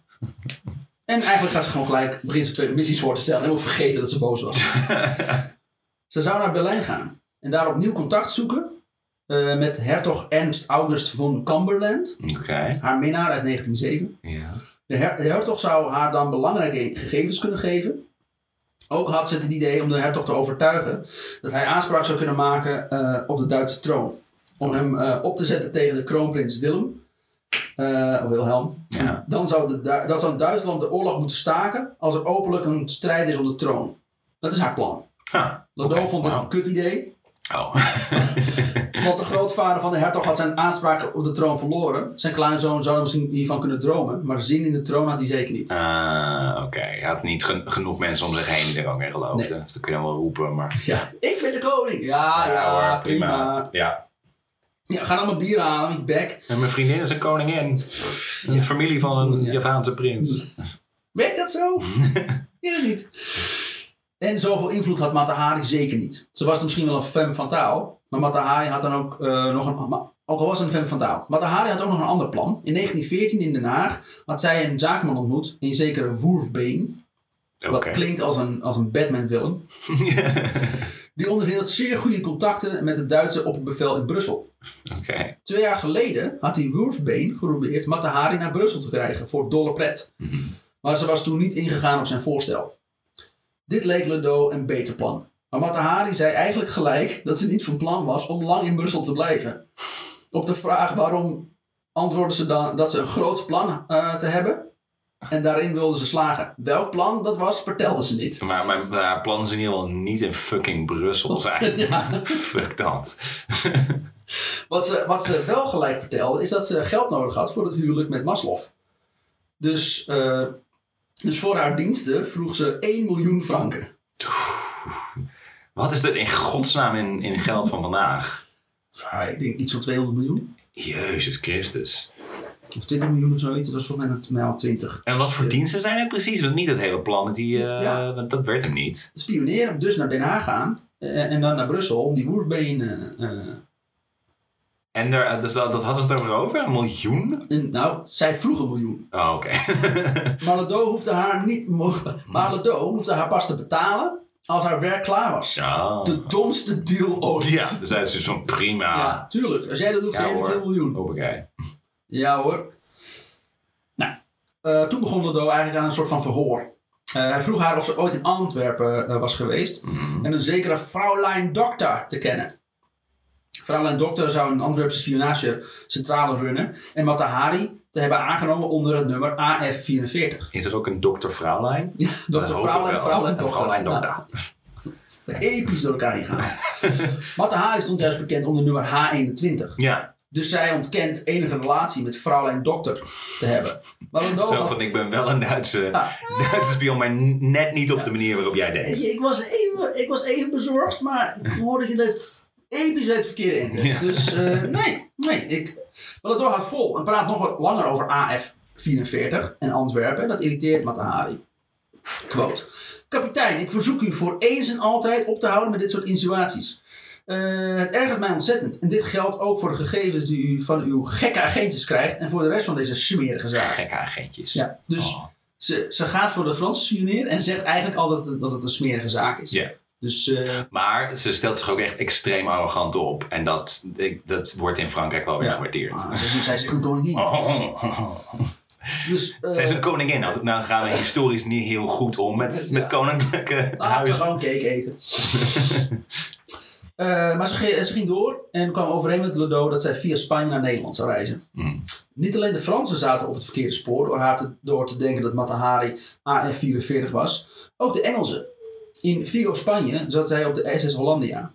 Dus die gaat naar Rotterdam. Eh, maar vlak bij de Engelse kust dirigeerde de marine dat het schip naar Falmouth moest. Dit, dit deden ze regelmatig om verdachte personen te filteren. En deze keer viel de eer aan eh, mevrouw McLeod. Yeah. Op, 19, op 14 november 1916 werd zij gearresteerd. Omdat men dacht dat ze de Duitse spion Clara Benedicts is. Wat ze niet is, want ze is H21. En dat is A, eh, A44? Dus is iemand anders. Hoe dan ook, oké. De agenten hadden als bewijs een foto van Clara die wel een le- beetje leek op Matahari. Alleen Clara was korter en dikker. Dus gewoon, ze leek gewoon helemaal niet Matahari. Dus zij is waarschijnlijk zwaar beledigd. Ja. Wat? Eh, Kijk dan. Desalniettemin wordt er een hele hut overhoop gehaald. Werd ze op de trein gezet naar Londen. Voor, eh, om om eh, vier dagen lang in eh, Scotland Yard te verblijven. Daarna verblijven ze ook nog eens tien dagen lang onder politiebewaking in het Savoy Hotel. Dus het is gewoon vakantie. Het zijn op vakantie geweest. Yeah. Men kwam er al snel achter dat ze de verkeerde persoon hadden. Want de Harry stond op, op een lijst met verdachte personen. En haar paspoort was overduidelijk vals. Dus reden genoeg om haar maar flink te ondervragen. Dit is helemaal geen Javaans koninklijk paspoort. Je bent gewoon in Nederland. Wacht eens Wacht eens even. even. Maar ik ben daarheen geweest. En ik vond het kunst. Was het gewoon porno waar ik naar heb zitten kijken? Nee. Tijdens, een van, de, tijdens de, een van de verhoren vertelt ze eigenlijk gelijk dat ze werkt voor de Franse inlichtingendienst. Iets wat spionnen niet doen, doorgaans. Nee. Eh, wat Maar dat, kun ze- dat kan ze waarschijnlijk beter bekennen dan dat ze ook nog een Duitse Duits, spion ja. is. De Engelsen Want de de Fransen, die, ja. die werken samen, dus dan, ja. Wat opmerkelijk was voor de Engelse inlichtingendienst, aangezien zij juist de Fransen hadden gewaarschuwd dat Matahari voor de Duitsers werkt. Come on, France. Damn it. Dus Sir never trust a Frenchman. Hoe vaak moet ik het nou nog uitleggen? Jezus. Sir Basil Thompson, hoofd van de inlichtingendienst in Engeland, stuurt daarom een telegram en vraagt onmiddellijk om opheldering van Lodo. Dus Lodo zit in een kutsituatie en wil niet voor lul staan voor de andere spionagedienst. Wordt- ja, maar je, oh, je had de oksels moeten zien. Mm. Maar ook, oké, stuur erheen. Tegen niemand zeggen je spion bent. niemand zeggen. Ja, oké. Acuut ook. Eerst je, ja, maar ik werk voor de Fransen. Fuck, hell. Hier hebben we de telefoonnummer van de Do. Uh, overlegt ons met hem even. Ah. Matahari! Eh, dus hij staat voor lul voor die andere spionagedienst. Dus hij antwoordt maar gewoon met... Ah, ik begrijp hier niks van. Ik ken die Matahari niet. En waarschijnlijk werkt hij gewoon voor de Duitsers. Oeh, zij heeft er echt flink onder de bus Ja, dus geflikkerd. Thompson begrijpt er nou helemaal niks meer van. Hij had de Fransen gewaarschuwd voor Matahari. Nu zat deze dame opeens in Engeland. En vertelde ze zeer gedetailleerd verhalen over de, het Franse Tweede Bureau. Ja. En hoe Ledo eruit ziet. En hoe, hoe, die, hoe die zich Oh, Oké, gedraagt. dus ze hebben het idee van, Ja. het is niet van, oh, ze, is, dit, ze, ze heeft gelogen, dus misschien is het een eh, Duitse spion wat ze is. Nee, nu schrijft Ledo dat ze wellicht voor de Duitsers werkt. Mhm. Dus Thompson denkt dat tweede bureau wordt gerund door een stel amateurs. En Ledo is net zo... Dat, volgens mij wel een Ja. beetje als ik het zo hoor. dat Ledo net zo makkelijk agenten aanneemt als dat het ze laat vallen. Dus Thompson laat Matahari vrij. Zegt tegen haar dat ze bezig is met gevaarlijk werk. Ja. Nogmaals, iemand die tegen haar zegt: Doe dit, ga, hou hier mee op. En dat je er beter aan doet om het spionagewerk helemaal gewoon te vergeten. Want ze is inmiddels bijna een, een, een, een, een driedubbel spion. Ze is nu dubbel spion. Ja. Maar het zal waarschijnlijk niet lang duren voordat ze een driedubbel spion is. Ehm, en dat ze er beter aan doet om dat spionagewerk te vergeten. Ja. En in het neutrale Spanje aan het einde van de oorlog af te wachten. Eh, Spanje was dan neutraal. Ja. Dus ze volgt het advies half op. Ja, want Spanje vindt ze waarschijnlijk saai en kut. Daar heeft ze dan weer geen zin in. Eind november reist ze naar Madrid. Maar blijft het werk doen. Want die 1 miljoen franken blijven lonken die ze niet heeft. Maar wat haar beloofd is. Ja. Wat ze zichzelf beloofd heeft eigenlijk. Inmiddels, anderhalf Just maand... one last job and then I'll retire. Just one more big score. Het is altijd hetzelfde verhaal. Get too old for this is, shit. un, is uncut gems, dit Ja. eh, dit verhaal. Inmiddels anderhalve maand verder, mede door haar verblijf in Engeland en het heen en weer gereis, begin, eh, komt zij begin december aan in Vigo. Dus anderhalve maand is ze op zee geweest Ja. en eventjes bij de Engels op eh, visite. Anderhalve maand op zee trouwens. Ja. Jezus. Waar ze eigenlijk gelijk de Fransman Martial Cazot, secretaris van het Nederlands consulaat, tegen het lijf loopt. En die vraagt haar of ze wil spioneren voor de Russen. is, en hij, want hij is dus ook Russisch spion dan, I guess? Ja, hij is, Want is hij, hij is Frans? Ja, maar de Russen horen bij Frankrijk. Ja, ja oké. En ja. waarschijnlijk is hij ook dan eh behoofd van de spionagedienst van de Russen. Oké. Dus ik heb gehoord dat de slechtste spion ooit naar Spanje komt. Die moet ik hebben. Nou ja, weet je, als je uiteindelijk voor iedereen spioneert, ja, Ja. dan, dan heeft niemand meer Zij is zo slecht, zij moet wel een spion zijn. Er is geen spion die expres zo slecht is. Jezus. Eh, maar ze werkte dus alleen al voor de Duitsers en voor de Fransen. En nog een land werken, dat maakt het allemaal nog wat ingewikkelder. Ja. Dus ze zegt ja. En vraagt 1,1 miljoen franken. Hoppakee. Eh, dus dat vonden de Russen een beetje te veel. Mhm. Dus liet Cazot haar weten dat ze iemand anders hadden gevonden. Ah. Je hebt deze rol niet gekregen. Op 11 december 1916 komt zij aan in Madrid en verblijft in het Paleis, Pala- eh, Palace Hotel. Per toeval krijgt ze de kamer naast die van Marthe Richard, een van de bekendste Franse spionnen uit de Eerste Wereldoorlog. Nou, natuurlijk. Ze kennen elkaar niet, ze lijken totaal niet op elkaar, niet qua uiterlijk, niet qua innerlijk. Martha was ook geronseld door Ledo. Ook van haar dacht hij eerst dat zij een verdacht persoon was. Dus elke vrouw met macht is een verdacht persoon. Ja. Ze moest in Madrid werken, kreeg de opdracht om baron Hans van Kroon te infiltreren. Dat lukte. Ze, werd zijn, Ze moest hem ze infiltreren. moest hem infiltreren, ja. En dat lukte op een of andere manier. nou, iets met prostaat. Eh, ze werd zijn maîtresse. Hij vertrouwde haar volledig. En nam haar op in de Duitse spionagedienst en kreeg nummer S32. dus ze heeft nu twee, twee codenamen als Nee, nee, nee. Duitse Dit, spion. dit gaat over Marten. Oh, sorry. Eh, Ja, haar ja, ja. buurvrouw. Sorry, ja, ja, ja. Nee. Eh, want die was wel goed. Ik wou zeggen, ik dacht dat de Duitsers gewoon waren vergeten Ja, dat ze er al aan goed. genomen. Ja, maar elke, elke keer als, als Matahari verzint dat er weer iets nieuws is. Het zou kunnen. Dit is niet Matahari, Nee, de is Hindustaanse danseres die, eh, die als vader een Vaanse prins heeft. Dit is de Matahari die als 12-jarig meisje als wees naar Europa gestuurd is. Is Oh, is oké. persoon. Ja, nee, ja. En, en wie, wie was ook alweer dat Friese meisje eh, die in Leeuwarden was eh groot Ja, gebracht? dat is Matahari. Ehm, Oh. Maar ja, die was toen meegenomen door een Schotse officier of zoiets. Die is nooit meer teruggezien. heb ik ook teruggezien. Ja, haar hoofd is eens teruggevonden van een schoorsteenmantel. Maar, eh, maar helaas, eh, voor eh Martha Richards, niemand is werkelijk onaantastbaar. Von Kroon kreeg een auto-ongeluk en de pers kwam er al snel achter met wie naast hem in de auto had gezeten. Dus ze werd teruggeroepen door Ledo. Een aantal dagen later in Parijs liet Marthe van Kroon, Marthe van Kroon weten per brief dat zij een Franse spion was. Van Kroon pleegde een aantal dagen later zelfmoord. Waarom Martha geslaagd eh, is als spion en Martha Hari een wandelend ongeluk? Maar wacht even, hij pleegde zelfmoord omdat het gewoon zijn hart was gebroken, zeg maar. dat of het feit dat hij eh, gewoon heel veel informatie heeft doorgegeven. Oh aan, ja. eh, Dus anders was hij waarschijnlijk in de bak beland of Ja. zo. Ja. Eh, waarom, Geruineerd. ja, waarom Martha Ha- waar een geslaagd spion is en Martha Hari een wandelend ongeluk? Omdat Marthe tot aan het ongeluk onzichtbaar te werk ging. En Martha Hari moet altijd op de voorgrond treden. Ja. Iedereen wist dat zij overduidelijk een spion was. Zelfs Marthe, nadat, eh, zelfs Marthe, nadat ze, een dienst, dat ze, na- nadat ze haar dienstmeisje vroeg wie die vrouw naast haar was, antwoordde het meisje met: Dit is Lady McLeod. Een Engelse Een danseres. spion. Ze werkt voor Rusland en Duitsland en Frankrijk. Ja, die werkt voor Duitsland en, en, en, en Frankrijk. Dit stond ze- allemaal op de visitekaartje. Ja, ja. En is danseres, is ook Ja. nog. Dat, een Engelse danseres die in een nummer danst in een of ander cabaret. ook waarschuwt ze Marten dat ze geen papier in haar kamer moet laten slingeren. En toen wist ze, wist ze dat mijn buurvrouw een spion is. Godzijdank. Zelfs het kamermeisje Ja. verdacht Batahari als spion. Ze is de slechtste spion ooit. Ooit. Dat Wat? nog zo lang heeft volgehouden. Dat is echt, waarschijnlijk, voornamelijk omdat mannen... eh, Ja. kan er erin hangen. Dan vergeten. Elke vrouw door. Nee, dat klopt niet. Nee. Matahari probeerde contact te zoeken met de Ledo om uit te leggen wat er in Engeland is gebeurd en waarom zij nu in Spanje zit in plaats van Nederland. Ledo antwo- antwoordde Matahari niet. Inmiddels is zijn vertrouwen in haar tot het nulpunt gedaald. Ook begon hij zich steeds meer te overtuigen dat zij voor de Duitsers moest werken. Weet je, die Engelsen? Ja, die waren al op iets op het spoor. Ja, drie jaar geleden. God damn it. Eh, eh, hij ging daar op zoek naar bewijzen. Hij moest dit wel doen om zijn reputatie te redden, want hij staat bij de Engelsen dik voor lul. Ja. Oplossing is, Mata- Matahari moet hangen.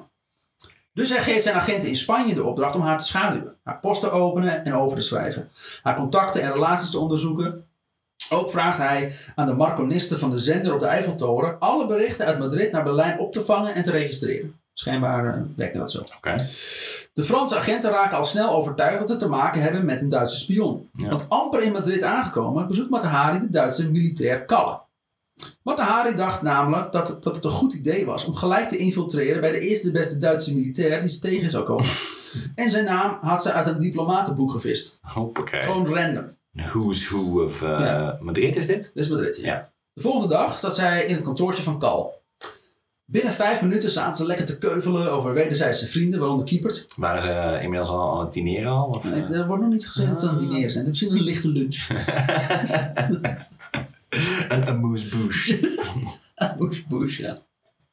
Wat klein enig, enig handwerk. Hij koesterde geen enkel wantrouwen naar Matahari, want zij noemde hem kapitein. En eh, ik ben een paar maanden geleden bevorderd tot major, en dat weet de vijand heel goed.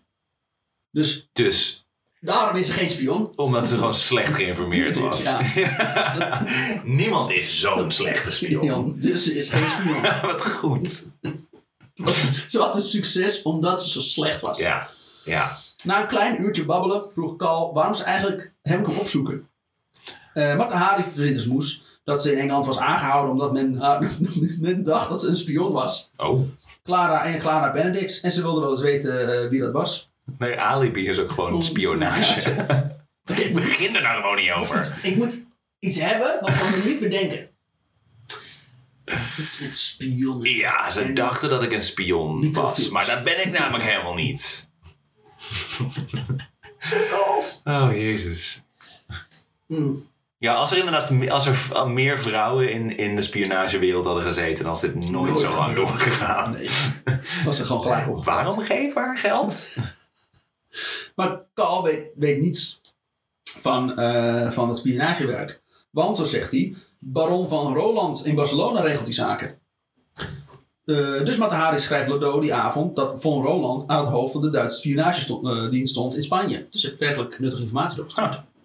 Omdat eh Carl dacht, ze kan niet zo dom zijn, er kan niet een... Dit is echt het eerste waar ik van hoor dat eh, het eerste nuttige stukje Ja. informatie wat ze heeft Tot nu toe heeft het alleen maar geld gekost. geld gekost en rare dingen gedaan. Ja. Mensen geneukt en dat was het. Gedineerd. Ja, sorry, gedineerd. Ze heeft mensen gedineerd. Ze was een, zoals een beetje de een beetje kannibaal. Dat is helemaal plat gedineerd. Arnie Hammer van... eh Oef. eh nou, Matahari eh praatte verder met Carl, die als was in haar handen was. Omdat hij... Ja, klevend. Om, maar omdat hij zeer vermoeid was, had hij geen zin om gelijk van beeld te gaan. Oh. Ja. Oh. Dus zij vraagt hem, waarom ben je zo moe? En Kalle vertelt zuchtend, "Ah, ja, ik ben bezig met een eh, Duitse landing op de Marokkaanse kust. Hey. In de Franse zone. Ja, precies, precies in deze lengte en Ja. breedtegraad. Ook dit rapporteerde Lodo, eh, aan, eh, rapporteerde ze aan Lodo. Maar ook aan kapitein eh Den Vignes, die haar aanspoorde om snel meer informatie in te winnen. Voor Rusland. Voor, nee, dit is gewoon voor Frankrijk. Oh ja, oké. Ze kende gewoon een kapitein die dacht, oh je hoort ook bij Frankrijk, ah vertel jij van mij. Ja. het allemaal hetzelfde. Ja. Dus de volgende dag bezocht Kal weer. Ditmaal met het excuus dat ze een visum wilden hebben. Zodat ze eh, via Duitsland naar Nederland kon terugreizen. Toen ze het ijs wederom weer gebroken had en Kal zich naast haar op de bank kwam zitten, stelde ze hem eh, vragen over de landing in Marokko. Maar ze liep te snel van stapel en Kal werd wantrouwig. Ja. Ja, ja, ja, ik wil een visum en trouwens, waar, hoeveel schepen ga je trouwens Ja, interessant. Praat anders gewoon in mijn hoed. Hier, Ja. veer, die veer op mijn In hoed. deze anjer. Ja, als je daar zo... Precies in praat. En duidelijk articuleren. Hoeveel manschappen gebruik je bij zo, zoiets? Oh, los dus door trouwens het visum moet op naam staan van McLeod zelf. En ehm, hoeveel spionnen, spionnen, spionnen werken hier precies? Ah. Maar ze loopt snel van de stapel, Carl wordt wantrouwig. En zegt, mooie vrouwen moeten niet te veel vragen. Of En daarmee, en daarmee was de discussie gesloten. Alright. Marta Hardy vertelde aan eh Danny Vignes dat eh, het niet gelukt was. En gaf hem eigenlijk gelijk de schuld. Ja, als jij eh, mij niet zo onder druk had gezet, dan had ik daar misschien meer tijd voor gehad. dus de volgende dag sommeerde, van, de volgende dag sommeerde Carl haar, naar hem, naar, haar naar hem te komen. Hij vertelde haar dat de Duitsers berichten hadden onderschept waarin de Fransen waarschuwden voor een landing eh, van de Duitsers op de Marokkaanse kust. En hij verdacht Matahari Ja, van dit te hebben nou doorgespeeld. dus met de missie in gevaar en daarmee, het leven, eh, en daarmee haar leven sprong Matahari in actie. En ging met kalm bed. Had ze dat nog niet gedaan? Nee. Hij was steeds te moe. Hè? Ja, was te. Oh, ik ben veel te moe. Ik moet eerst even strategische plannen je vertellen. Daardoor, kwam ik altijd in de stemming namelijk. Dat is voorspel voor mij. Dat is stratego, dat wordt gewoon hard van. Na een paar uur flink rampentampen zegt zij tegen Kal, ach major, eh, die gegevens kunnen toch eh, ook van, een ander, van andere mensen afkomstig zijn. De major grinnikt en knikt. Ja, dat is zo. Dat was toen nog even het kous af. S'avonds schrijft zij aan Den Vignes dat... eh, Hoe de- goed was zij in bed, zeg. Ja. Jezus Christus. De ene na de ander zo van, ja, je doet echt heel verdacht. Ah, zo. Like it. Dus dat voelt lekker. Voelt lekker aan mijn penis, dus dan zal het wel goed zijn. Lekker brandig. Ja, het is en ik trek het bier in de kont. S'avonds schrijft zij Oh, aan dat is mijn neus. Vignes dat de Duitsers de Franse radiocode kenden. Althans, dat is Matahari's eigen versie van wat er met Kal gebeurd is. Oh. Maar in Madrid is er meer gebeurd dan wat Matahari eh, later zou vertellen. Zij werd in Madrid permanent in de gaten gehouden door vijf Franse agenten. Eén van die agenten Die gewoon echt in een, in een, in een rijtje achter de liepen. in een cirkel om haar heen. Dat is niks. Niet zo weghouden. Een van die agenten werd als butler in het Ritz Hotel waar uh, Matahari verbleef. Hij wist haar vertrouwen te winnen. Butler did it. Ja, en Matahari wenste alleen nog maar door hem bediend te worden. Dus, Oh. oké, fijn. Dus de Fransen wisten nu wat er binnen en buiten haar hotelkamer afspeelde. Binnen gebeurde er eigenlijk helemaal geen hoer. Ze, eh, ze liep meestal naakt door de kamer en schreef eh, brieven eh, aan voornamelijk de Maslov. Ze ging Er niet gebeurde niks, maar er werden waarschijnlijk wel hele uitgebreide rapporten over Dat geschreven. Wat ja. zag je nou precies? Ja, om- haar lichaam wat meer omschrijven. Ja, en, misschien dat ze iets ergens verstopt heeft of zo. En toen anders. eh, eh, hoe zagen die oksels er precies ik uit? kan misschien een foto of Ja, dat is heel, heel belangrijk.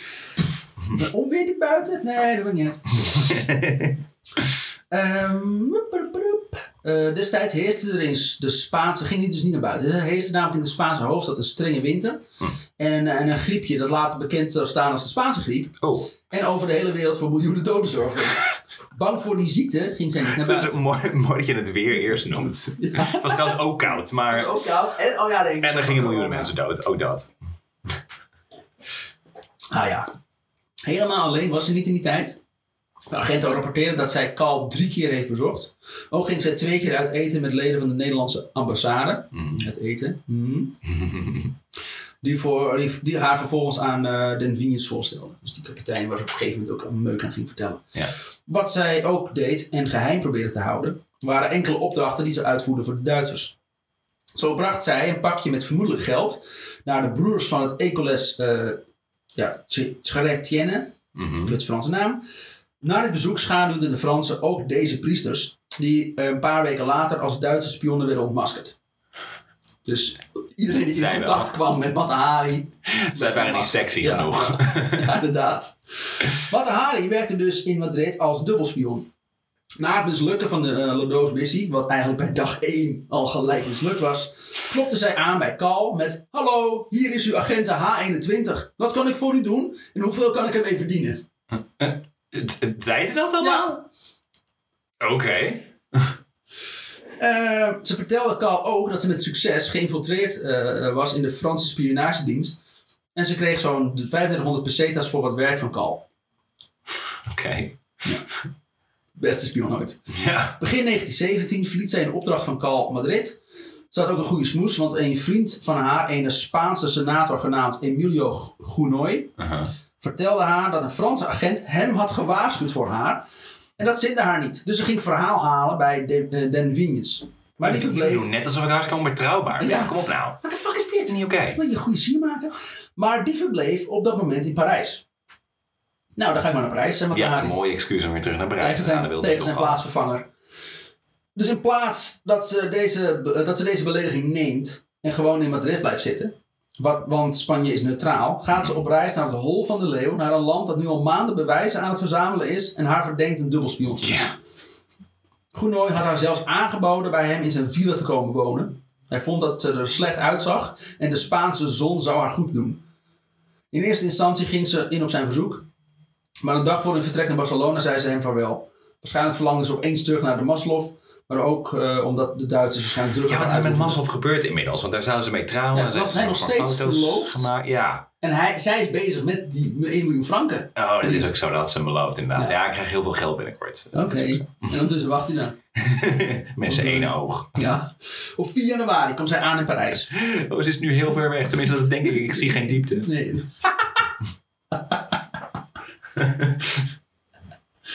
Oh. Op 4 januari kwam ze aan in Parijs. Daar las ze iedere dag in de kranten over spionage. Er liepen op dat moment processen tegen een Roemeens chemicus, een Finse ingenieur, ingenieur en een Duitse agent, uh, Felice Vaat, was zojuist gefusilleerd. Hm? Le Petit Journal waarschuwde de lezers iedere dag. Zwijg, de oren van de vijand luisteren overal. De oorlog verliep kut voor de geallieerden. Ook al veroverden de Fransen in 1916 Verduin. Ze waren bij die slag wel 315.000 soldaten verloren. Oeps. De Duitsers verloren zo'n 240.000 eh, eh, soldaten. Eh, de andere grote slag, die bij de Somme, had ook weinig resultaat. Ze verdrongen de Duitsers misschien een tiental kilometers. tegen een verlies van 420.000 Britse soldaten, 205 twee- 200.000 Franse soldaten en 450.000 Duitse soldaten. Bij de slag om de Somme eh gebruikten de Engels ook een nieuw wapen, de tank. Oh, Maar deze liep vast in de blubber. Omdat niemand de oorlog echt won en er dagelijks duizenden militairen het leven lieten, voedsel schaars werd, begon, er, begon met 1917 op het thuisfront onrustig te worden. In Rusland waar de leus brood, brood, brood al snel werd aangevuld met weg met de tsaar! Oeh. De februari, februari-revolutie dwong tsaar Nicolaas II tot aftreden. Deze golf van onrust, woede en ontevredenheid sloeg naar andere landen over. In Frankrijk braken stakingen uit. Na de afslachting bij de Gemin de Dam, eh, waarbij een Franse aanval stuk liep op een goed georganiseerde Duitse verdediging, protesteerden duizenden soldaten tegen de legerleiding en sloegen aan het muiten. Oh. De Fransen wilden met name dat de conservatieve dagbladen, dat zijn de conservatieven Dus de, dus, de, dus de Fransen zijn het staking, is wat je zegt. Ja. Typisch. eh, de onrust op het thuisfront te temperen en schreven liever over lange stukken over spionage dan over de prijs van voedsel en stakingen. De dag na haar aankomst in Parijs ging Mata Hari op zoek naar, naar kolonel eh Denvignes. Dus die persoon die wat was even een verhaal ging halen. Maar wat je nu eigenlijk opzet, is dat, er, dat ze heel erg spionageverhalen nodig hebben om de aandacht Ja. af te leiden van hoe kut ze Ja. dat eigenlijk doen. Ja. Want ze hebben gezien wat er in Rusland is gebeurd. Dus Ja, fuck van, dat. "Oh." We moeten uh, voornamelijk zeggen dat we toch iets goed doen. Ja. En gewoon willekeurig mensen van wie we even denken dat ze spion zijn. Want nogmaals, ze hebben bij Mata Hari nog bijna geen bewijs. Behalve dan dat ze nu dat Nee, alles wijst wel die kant op inderdaad. Ja, Maar. Ze, ze verdenken gewoon mensen. En dan gaan ze op zoek naar bewijs wat die verdenking eh eh Ja. eh, waar maakt. Dus ik denk ook dat die mensen die net dood zijn geschoten, ze helemaal geen spion waren. Waarschijnlijk niet. Gewoon een rare neus. Ja. Ja, maar. Eh, eh, de dag na haar aankomst ging ze dus op zoek naar die kolonel. Eh, die stond op het punt van vertrek op het Austerlitz-station waar Matahari hem nog maar net aantrof. Ze vroeg aan hem of hij Ledo had gezien. En Denvignes zei haar dat hij, haar, hij alleen met Ledo superieuren had gesproken. Ze vroeg hem waarom de Franse agenten een lastercampagne tegen haar waren begonnen. Waarom had, eh, had, hij, had hij niet voor, haar, voor het voor haar opgenomen? Zij had toch goede data geleverd? Tijdens dit vragenvuur begon ze steeds minder vragen te stellen, maar hem gewoon eigenlijk gewoon uit te schelden. De fluit klonk en Matahari verliet haastig de trein. Begint, begint de syphilis langzaam aan, zeg maar, Ja. dat ding te worden nu. Ja. Ze, Fuck jou! Na het gesprek met de Vignes begon ze toch een beetje bang te worden. Dus ze zochten hulp van Jules Cambon, oud-ambassadeur in Madrid en Berlijn. Die nu was opgeklommen tot secretaris-generaal van het ministerie van Buitenlandse Zaken. Oké. In het begin van 1917 bracht zij met hem drie dagen en drie nachten voort. Door. Dus Drie dagen is- dineren. Ja, ze, ze, ze, ze is dus bang dat ze wordt verdacht van spionage. en dat, dat bestrijdt ze door maar gewoon te gaan feesten. Maar dat is, dat is haar antwoord op alles. Ja. Dat is hoe ze gewoon nou helemaal dealen met haar Nee, problemen. dat, dat, dat heeft ook altijd gewerkt. Ja. Eh, omdat zij dacht dat zij beschermd werd door, eh, door het feit dat ze heel veel hooggeplaatste ambtenaren en militairen kende, stortte zij zich weer op het Parijse uitgaansleven. Yeah, I'm back, baby. Het was immers alweer zoveel maanden geleden dat zij zich had laten gaan. Ze genoot weer van het leven, deed het met een Poolse officier, zag haar advocaat Eduard Clunet en had weer een nieuwe minnaar aan de haan geslagen. Oké. De Franse bankier, en dat is, dit is echt de, de Franse naam, de meest Franse naam ooit, die ik ooit gehoord heb. François, François. Ja, Constant Barret. dat is, dat, eh, eh, is meteen ook een beschrijving van zijn look, zeg maar.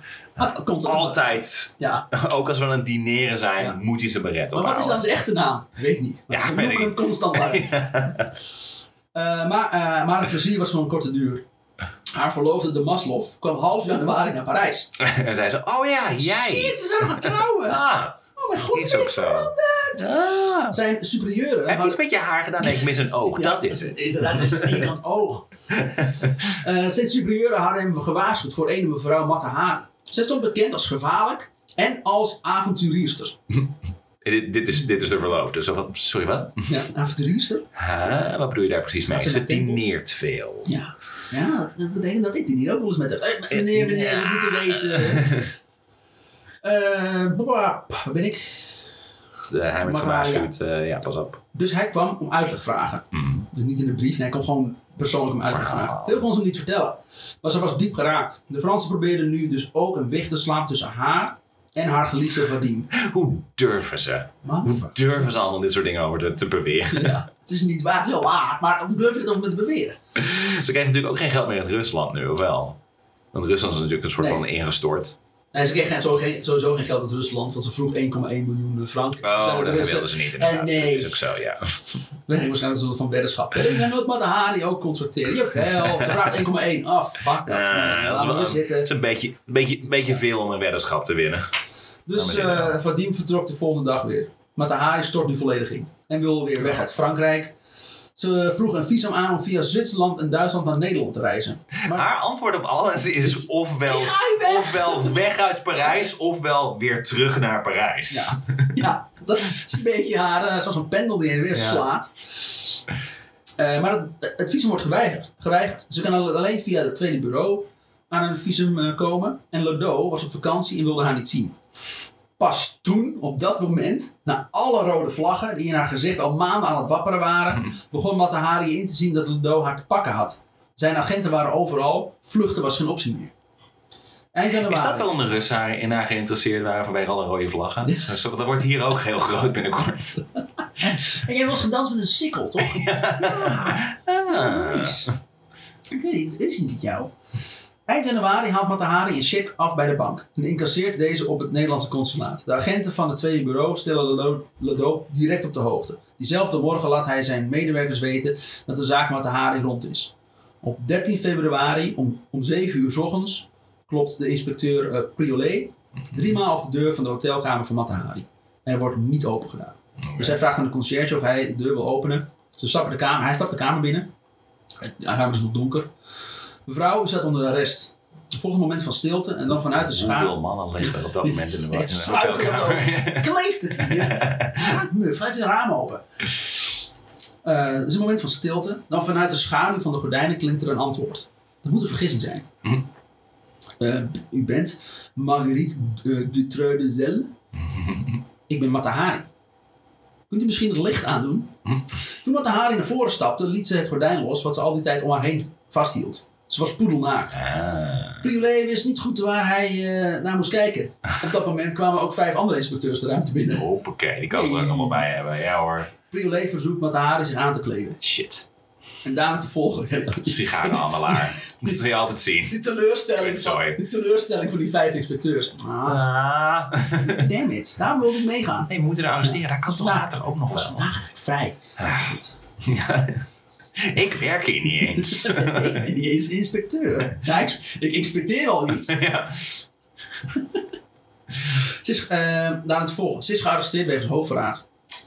Matahari vindt het maar belachelijk. Er begint gelijk eh, de inspecteur lastig te vallen met vragen. Die eigenlijk afwimpelt met mevrouw, ik voer gewoon bevelen uit. Eh, kom mee en laat me verder met rust. Straks jullie hebben, hebben jullie problemen met het, het, Koninklijk Huis Java, ja? Ja, Zou maar ja uitkijken. zo, je vader prins weet je wie ik ben? Ja. Weet je wel wie ik ben? Maar serieus, wie ben ik? Ja. Ik heb echt extreem syphilis. en ik lieg over alles. Ik denk dat Weet ik een ben? ben of een prins. Ik weet het niet. Uh, Matahari aarzelt en antwoordt: In dat geval sta ik tot uw beschikking. Geef me een minuutje. Ze pakt wat kleren, gaat richting de badkamer. Ze wijst op weg naar de badkamer op een doos chocolaatjes. Zegt, eh, en zegt voordat ze de badkamer verdwijnt: Laat u zich gerust een chocolaatjes maken. En vergeet niet uw mannen er ook één te geven. Ah. Briolet weet niet goed of hij nou iets moet pakken of niet. Matahari zegt dat, omdat hij ziet dat ze heel erg, eh, heel erg twijfelt. Je hoeft nergens bang voor te zijn hoor. Ze komt uit Zwitserland en bij mijn weten is dat nog steeds een neutraal land. Ze is er volledig de weg. Mijn bagage staat er ook trouwens. Ja, trouwens. ja.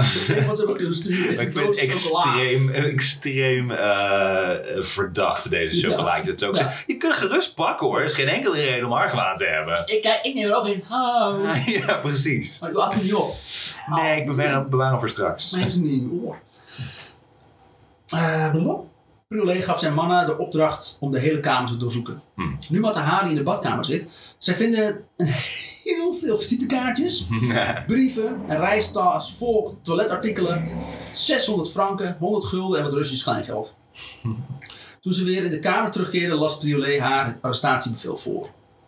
Een paar uur na ik dacht echt, hier is het eh, ba- badkamer uit. ja, Eh, ik dacht, ik dacht, oh, die gaat gewoon weg. Zij zit ondertussen die vergiftige chocolade. Ja, precies, ja. Oh, dat is wel heel aardig. Dit het amandelachtige smaak. dat zie je niet, idioot. Ehm, nou, een paar uur na haar arrestatie nam kapitein Pierre Bouchardon haar eerste verhoor af. Dus weer een nieuwe naam. Sorry. Matahari was not amused dat ze gearresteerd was. En sloeg eigenlijk direct een weet u wel wie ik ben toon aan. Ja. Pierre Bouchardon, een officier-commissaris van de derde krijgsraad, was 46 en was een kille agent. Eén die niet van zijn stuk te brengen was. En hij kwam erachter dat Matahari ondervragen niet makkelijk was en vond haar al snel genoeg een onuitstuitbaar schepsel. Voor een represaille-schepsel van, van een ploeg. Oh ja, nee, precies. Schepsel, inderdaad, fantastisch. Quote, ze was... Ge, was, Is, ze was er, is er nou uiteindelijk gefusilleerd gewoon puur uit verveling? Ja, gewoon, ach, damn, schiet er maar dood ook gewoon. Ik weet ik veel of ze iets heeft gedaan. Kom op. fuck dat mens. Oh. En dat hebben we al genoeg gedaan. Quote. Ze was een geboren spion. Kattig en dan weer gedwee. Onnatuurlijk. Gewend om gewetenloos te zijn. eh, en zonder meelij met alles en iedereen de spot te drijven. Altijd klaar om fortuinen te laten verslinden. Zelfs wanneer zij wist dat haar geruïneerde geliefde de hand aan zichzelf wilde slaan. Dat is op zich waar. Zo. Ze heeft hem zo'n vijf maanden aan het lijntje gehouden. Bouchardon zal later toegeven dat de verhoren van Matahari de, tot de moeilijkste uit zijn loopbaan behoorden. Nou, oké. Ik dacht even dat je ging zeggen dat, dat ze het soms gedineerd eh, Ja. hebben. Ik denk, oeh, want vijf maanden in godsnaam. Waarom? Ja. Zij sprak, quote, zij sprak uitstekend Frans. Haar zinsbouw was vernuftig. Wat een ironie, ironie. Wat een scherpe antwoorden. Wat een snel reactievermogen. Matahari had Clunet haar advocaat gevraagd om haar, eh, haar advocaat gevraagd om haar bij te staan. Het klinkt ook gewoon een beetje als een nou, wat oudere man die nog nooit met een vrouw Ja. heeft gepraat. Want ze heeft gewoon Het mening. lijkt wel een man. Ja, ze heeft een mening. Kan over dingen nadenken en zo. Wat is dit voor schepsel? Wat is dit? Ja. Zou dat syphilis zijn? Ehm, Clunet was een advocaat. Dus ze vroeg ook hem nu ook weer om haar bij te staan. Wat echt een slechte keuze was. Want Clunet was voornamelijk gespecialiseerd in burgerlijk recht. En had nog nooit iemand verdedigd voor een militair tribunaal. en volgens de militaire wetgeving mocht de advocaat alleen bij het eerste en het laatste verhoor aanwezig zijn. Oké. Maar tijdens het eerste verhoor op 13 februari weigerde sowieso een advocaat. Ze vond alles maar onzin. Oké. Dus ja, ik, ik kan wel niet nodig. Ik ben Nee, hier ik eh, ben later onschuldig. vandaag nog. eh, Ik neem me nog thuis. onschuldig. Ja. Tijdens het tweede verhoor, 15 februari, vroeg Bouchardon haar om haar levensverhaal te vertellen. Domst besluit ooit. Iemand als eenmaal begint te praten. Ja, Jezus. In zeer beeldende taal vertelde zij op 15, 21, 23, 24 en 28 februari over haar leven in Leeuwarden, Indië, Berlijn, Den Haag, Parijs en Madrid. Zonder daar enige relevante informatie bij te geven. Oké, en die, die, die Javaanse prins, heeft ze die helemaal niet genoemd? Dat waarschijnlijk wel voor mij. Er zijn zoveel versies van haar levensverhaal. Zes keer haar jeugd verteld. Maar wacht, jij denkt dat ik uit Leeuwarden kom. nou nee, laat het ophouden. Bouchedet trok naar deze vijf verhoor, vijf dagen lang. Heeft ze gewoon geluld over het leven. Tot uiteindelijk hij is gebroken, zeg maar. Ja. Oké, ik vertel je alles. Ja, ik ben een Duitse spion. Ah, Wat? Nee, ik ben een Franse agent, sorry. Bouchardon trok naar deze vijf verhoren zijn eerste conclusie over Mataha- Matahari. Quote. Haar normale gedrag was naar bed gaan met ontelbare mannen, Hm. In uniform van wie ze natuurlijk, natuurlijk gegevens kreeg die ze eh, naar Duitsland doorgaf. En Bouchardon liep een beetje te hard van stapel. Dus nog, want hij heeft, geen bewijs van. hij heeft helemaal geen bewijs. Nee. Het, hele, het, het is heel zo'n afleiding. Oh, ze gaat met die mensen naar bed. En natuurlijk geeft ze dan die informatie door. Waarschijnlijk ook zo is, maar Ja, eh, dat ja. past Ja, toch, maar je moet nog steeds met bewijs komen. Ja. Op 28 februari begon eh Bouchardon aan zijn eerste punt uit het onderzoek. De 5000 franken die zij op het Nederlands consulaat had geïnd. Ze bekeken, de neutraliteit, ze bekeken de neutraliteit van Nederland nu met argwijn aan. En op verzoek van het ministerie moest Bouchardon uitzoeken of Nederland mee, eh, mee het geholpen had, mee had geholpen met Mhm. de spionagepraktijken van Matahari. En dus direct de Duitsers hielp. Daarmee onze neutraliteit verspelen. Wow, daar waren we gewoon de Eerste Wereldoorlog in ingezogen omdat zo'n kutwijf eh, niet goed te verhaal. Jezus. Oké. Maar met, met, maar met de uitleg van Matahari kon hij niet zoveel. Het geld was afkomstig van, de, van baron van der Capelle, Mhm. die nog steeds geld naar stuurde. Normaal kreeg ze het geld via de post, maar Otto Bunge, een consul van de Nederlandse staat, die ze, bij, die ze had ontmoet op een van haar vele bootreizen, gaf haar de tip om dit voortaan via het consulaat te regelen en dat ze snel gaan naar de PTT. Oké, ja. Na het achtste verhoor op 12 maart beschikte Bouchardon over geen enkele concrete aanwijzing. Dus hij ging over tot een wat zwaardere manier van geschut. Hij laat haar één maand lang alleen in de gevangenis zitten. Oeh. Hij wist namelijk dat zij niet tegen eenzaamheid kon. Ja, een iso isoleercel ook nog eens een keer. Ja, waarschijnlijk Alleen, gewoon, gewoon ja. alleen. En hij maakte gebruik van een brief van Vadim Maslov. Waarin hij had geschreven dat hij, haar, dat hij weer gewond was geraakt aan een of ander front. Oh. En hij Matahari verweet hem vergeten te zijn. Hij wist, niet dat, hij wist niet dat zij gearresteerd was en in het gevangen zat. Oké. Maar het mocht allemaal niet helpen. Matahari was dan wel bedroefd dat haar geliefde Maslov eh, zo over haar dacht. maar, bij het, maar bij het negende verhoor, op 12 april, gaf Matahari een krachtige verdediging. Van de vele contacten die zij, had, eh, die zij met mensen van allerlei nationaliteiten onderhield. Quote. Als beroepsdanseres ben ik een internationale vrouw met internationale contacten. Daar kleeft niks verdachts aan. Bovendien heb ik u zelf de namen van mijn vrienden gegeven. Wat wilt u nog meer? Bouchardon moest verbitterd toegeven dat zijn onderzoek was vastgelopen. Ja. Ja. You go, girl. Yeah. Yeah. Volgende dag. Doe het met wie ik wil. You, you don't tell me what to do. Mm. Fuck you, ik heb geen bewijs. Ik weet dat je geen bewijs hebt. De volgende dag diende Clunaina klacht in. Er was geen bewijs om Matahari nog vast te houden. Sterker nog, het militair strafrecht stond niet toe dat iemand twee maanden in voorarrest te houden zonder dat daar bewijs voor was. Hij eiste onmiddellijke vrijlating. Maar op 21 april vond Bouchardon he- dan eindelijk het bewijs wat hij nodig had om Ja. Matahari eens en voor altijd de mond te snoeren. In stapel telegrammen die tussen 13 december 1916 en 8 maart 1917 zijn verstuurd met als ondertekening H21. Dit bewees volgens Bouchardon dat Matahari H21 moest zijn. Nogmaals, hij heeft geen bewijs. Hij een stapel telegrammen ondertekend zijn met H21. maar als hij dat wel bewijst, is het nog, nog steeds niet bewezen dat zijn informatie heeft doorgespeeld, Nee. toch? Hij bracht het nieuws naar buiten dat ze, dat ze gearresteerd was. Hij gaf vervolgens ook toestemming dat Matahari brieven mocht sturen. eh, want hiervoor mocht dat niet. Zodat ze, ze kon werken aan haar verdediging. Maar hij deed dit alles voordat hij het bewijs überhaupt aan Matahari had, voor, eh, had voorgebracht en geconfronteerd.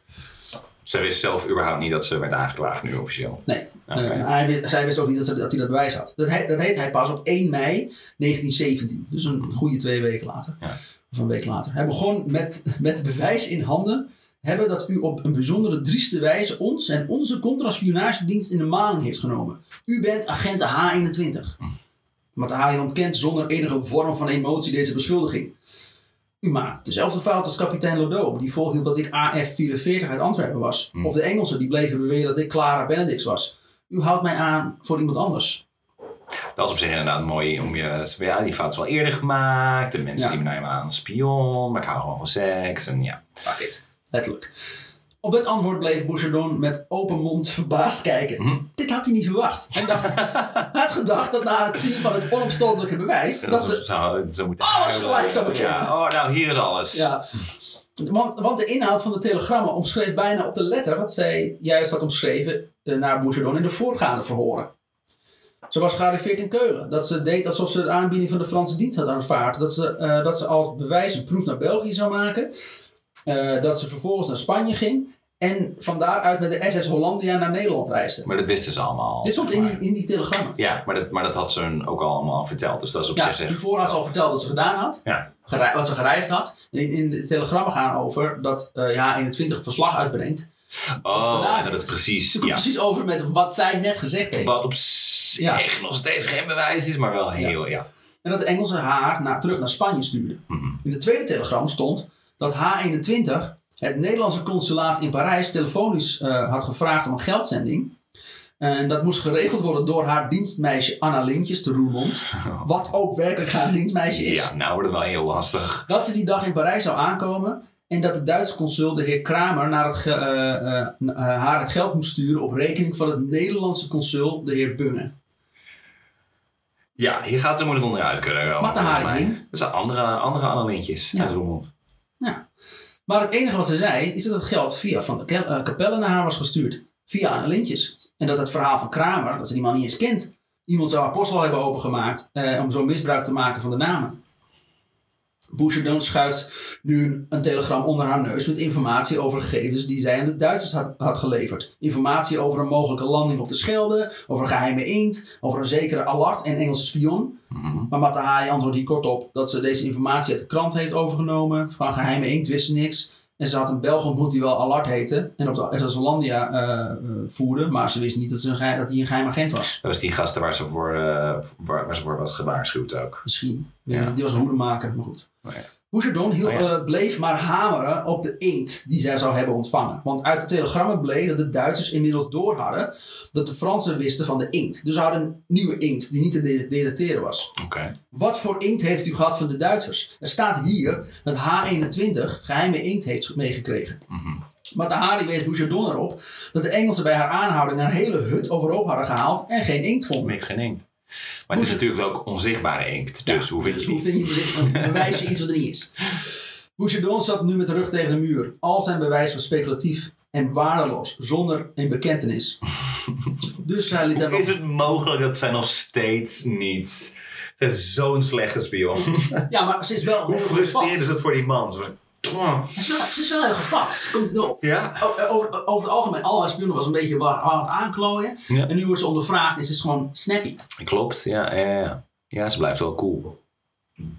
Ja. Je weet niks, haha, vertel. Nou, niemand weet precies wat Matahari dacht op 21 mei. Ze stond er goed voor en het onderzoek zou eh, zonder nieuw bewijs uitlopen op een fiasco. Haar vrijla- vrijla- vrijlating was bijna een feit. Maar... Daarom was het des te vreemder dat zij op, die- op die dag in een verhoor met Bouchardon toegeeft dat Kramer haar in Den Haag had bezocht. Dat hij 20.000 franken had gegeven. En dat hij haar in ruil eh, voor het geld eh, had gevraagd om voor de Duitsers te spioneren. The fuck? Dat is gewoon een totaal... Maar dan... Maar, maar, maar dan oh, ze zeggen, nou, daar ben ik niet op ingegaan. En, eh, Ja. of is ze gewoon volledig van, ja, ik ben een Duitse Ja. spion? Jesus. Dit waren ook trouwens drie feiten die helemaal niet bekend waren bij de Fransen. Oh, maar dan ging ze, ze dacht van, dat weten ze ergens wel Ja. of zo. Ja. Heel dom. Bouchardon vroeg Ah. zich al sinds 21 april af wie Kramer in vredesnaam was. Ook gaf ze opeens toe dat zij H21 was. Ah, Op 22 mei wordt ze door, wordt ze, eh, wordt ze door Bouchardon geconfronteerd met enige getuigen. Die haar eigenlijk allemaal lieten vallen. Daaronder zat ook Vadim de Maslov. Die een verklaring aflegde op 17 mei in, in Rennes. Waar hij eh, werd weer werd behandeld vanwege nieuwe verwondingen die hij had opgelopen aan het front. het is een soort van, het is een Ja. rompje is het inmiddels. Ik heb ook nog een gebroken hart. Oh. Mm. Hij werd ook al vastgebonden aan, eh, aan een rug van iemand anders om mee te strijden. Een, een, een kleine zanderige Ja. rug. Zijn, zijn, zijn voorvader was ook de Black Knight uit Monty Python. ja. Het is een flash wound. Maar hij heeft dus volledig zijn handen van eraf getrokken. Zo van, hoep. Hij heeft, hij heeft zich letterlijk afgetrokken. En, eh, Dinner for one. hij meldde dat zijn verhouding met Matahari niets voorstelde. Dat hij, in maart aan, en dat hij in maart al een einde aan hun eh, verloving wilde maken. Ja. Matahari had op deze dolksteek geen commentaar. ja, ze heeft weinig recht van spreken ook. Ik bedoel, het is lullig, maar zij heeft het ook echt wel heel vaak gedaan. Ja. Maar zij, Ze was er met verhoogd, maar volgens mij heeft ze sinds ze eh, hem liet wachten op dat geld, iets met vijf tot Ja, ja, 15 ja, mannen, Zeker bed weer wel. gedeeld. Haar, haar syphilis verspreid over Frankrijk. Ze heeft al eh, de sporen, eh, een spoor door Europa. ze heeft flink veel sporen achtergelaten. ja. Slijmsporen. Of schimmel. Later zou blijken dat hij in zijn verklaring zou hebben gezegd dat het hem zeer verbaasde dat mevrouw Zelle ge- was gearresteerd op verdenking van spionage. En dat zij, als ze alleen waren, nooit iets over militaire aangelegenheden hadden gesproken. Maar dat gedeelte hadden ze uit het getuigenis weggelaten. Ja. Vervolgens in juni bestookte Matahari Bouchardon met brieven. Op alles wat ze hem had verteld kwam ze terug. Die brieven ondertekende zij met eh, MG Zelle McCloud. Dus, nee, weet je wat ik vertelde dat ik spion was? Nee, dat was helemaal niet waar. Ik had gewoon slecht gegeten die dag. Ik was mijn maag. Christus. Zij stuurde hem ook nog een andere brief, maar dan in de persoon Matahari. Om hem het verschil tussen de actrice Matahari en de Oh. persoon Zelle McCloud uit te leggen. Oh, En deze brief ze het nu daarop te gooien. Nou, nee, dat heb ik niet gedaan. een Dat rol. Matte Hari heeft dat Ja, gedaan. Ik ben Matahari niet. Ik ben Margrethe Zelle McCloud. en een, een vrome kuis. eh, eh, Dit is echt de syphilis die nu begint Ja. te werken, volgens mij. Deze Hier is eigenlijk die matte haren die jullie hebben aangehouden ook. Ze, klinkt als, als, als een stoephoer. De me wat meer over haar. Ik ben, echt, ik ben geïntrigeerd door de spionage. Deze brief ondertekenen ze ook met Matahari. Andere brieven die ze stuurde gingen voornamelijk over, het, eh, over dat het gevangenisleven zwaar viel. Nou, dat deed het ook. Ze kreeg slecht eten, de sfeer was ongezellig. Ze De sfeer was ongezellig. ja, Zo honderd jaar geleden, zeg maar, in een gevangenis. Ja, weet je, wat me het meest opvalt is de sfeer. Het is... eh, eh. Dus ja, het, het doet ook niet zoveel. Dit is geen gezelligheidsvereniging. Inderdaad. Wat deze plek nodig heeft, is een gezelligheidsvereniging. Kan ik anders een dansje doen? Echt een behangetje of zo Ja, op zijn minst. Doe, doe op zijn minst je best. een, een- een potje met, met een bloempje erin Ja. Het is leuks. Maar nee. Ze krijgt vlekken over haar hele lichaam. Oef. Dat laatste is zeer waarschijnlijk de syphilis, waar ze nu geen medicijn Ja, meer, dit is- meer tegen Ze is wel eens omschreven als fruit in de warme zon, Ja, toch? Dus het begint nu eindelijk Alle stukjes vallen op hun plaats. of er vanaf ja. Op 24 en 25 juli 1917 is het proces begonnen tegen Matahari. Ze verschijnt ongeboeid in de zaal. Als in het boeit er wel, maar dat kan ook boeien. Ugh. Zijn we al klaar? Hoe lang duurt deze show? Oh, jezus. Oh, dat is geen kunst dit. Ja, nee, wanneer wordt er nou gedanst? Matahari, let nou eens op. Eh, de- eh, lop. het proces zou plaatsvinden achter gesloten deuren. De pers zou dus buiten moeten wachten. En er zou geen verslag kunnen geven vanuit eh, de rechtszaal. Ook besluit de jury dat er geen procesverbaal van getuigenverklaringen zou worden opgemaakt. Wat er dus tijdens het proces precies gezegd is, welke getuigen, get- getuigen er zijn opkomende dagen, weten we allemaal niet zeker. We moeten het doen van enige aantekeningen. Wat we wel eh, weten is dat eh, de jury een half uur nodig had om Matahari op alle acht punten van de aanklacht schuldig te bevinden. Wow, oké. In de naam van het Franse volk verklaart de derde permanente krijgsraad eh Zel, ze heet Zelle, maar ze hebben gewoon achternaam verkeerd, Zel Margarita, bijgenaamd Matahari, schuldig aan alle haar ten laste gelegde feiten. De krijgsraad veroordeelt haar ter dood. De beklaagde moet alle kosten van het proces aan de staat terugbetalen. Dat laatste weet niet hoe ze dat voor elkaar krijgen. Oké, ze is dood. Wat nu? Ja, ze moet de rekening voor betalen. Ah, fuck, nog wat verkeerde volgorde. En dan is die McCloud opsporen ergens. God damn it. Ah, het is nou weer gedaan. Ja, fucking bloed. eh, Wat heeft ze nou weer gedaan? Je scheppen? Iedereen. iedereen, dat is een beetje het probleem. Heel, heel Frankrijk. Hebben jullie ook een brandige gevoel? Ja, tot jaren jeuk. Ehm, hevig geschrokken riep Matahari: C'est impossible! C'est impossible! Oh. Eduard Cluno, de advocaat, moest huilen. Dat is een Oh. van een, van een professionele Ja, houding. inderdaad, ja. Het is mijn eerste echte Ja. zaak. En ik verlies hem. Ik heb zo mijn best gedaan. Het gaat om mij. Ik ben ter dood veroordeeld. Dat is voor mij ook niet Over makkelijk. jou. Tussen de veroordeling op 26 juli en de executie op 15 oktober zaten drie maanden. In die drie maanden probeerden ze nog in hoger beroep vrij te komen. Ja. Ze probeerden nog eh, te regelen dat ze geruild kon worden tegen een generaal Marchand, die bij een recente veldslag door de Duitsers gevangen zou zijn genomen. Eh, en ze was van plan een biografie te schrijven en daarin uit de doek te doen wat men hier haar allemaal aandoet. Een Maar in empty maar- threat. Zo van, ah, Ja. allemaal zo, zulke slechte publiciteit krijgen jullie dan? Dat het, dat het Franse gevangenisleven een domper is. Ja, Nou, dat is de maar- sfeer maar Ja, zo ja. zo is. Zie maar meer gasten te krijgen. Ja, precies. Ja. Niemand die hier meer incheckt. De vroegere Yelp-versie. Maar Zij is echt een alles, soort Karen.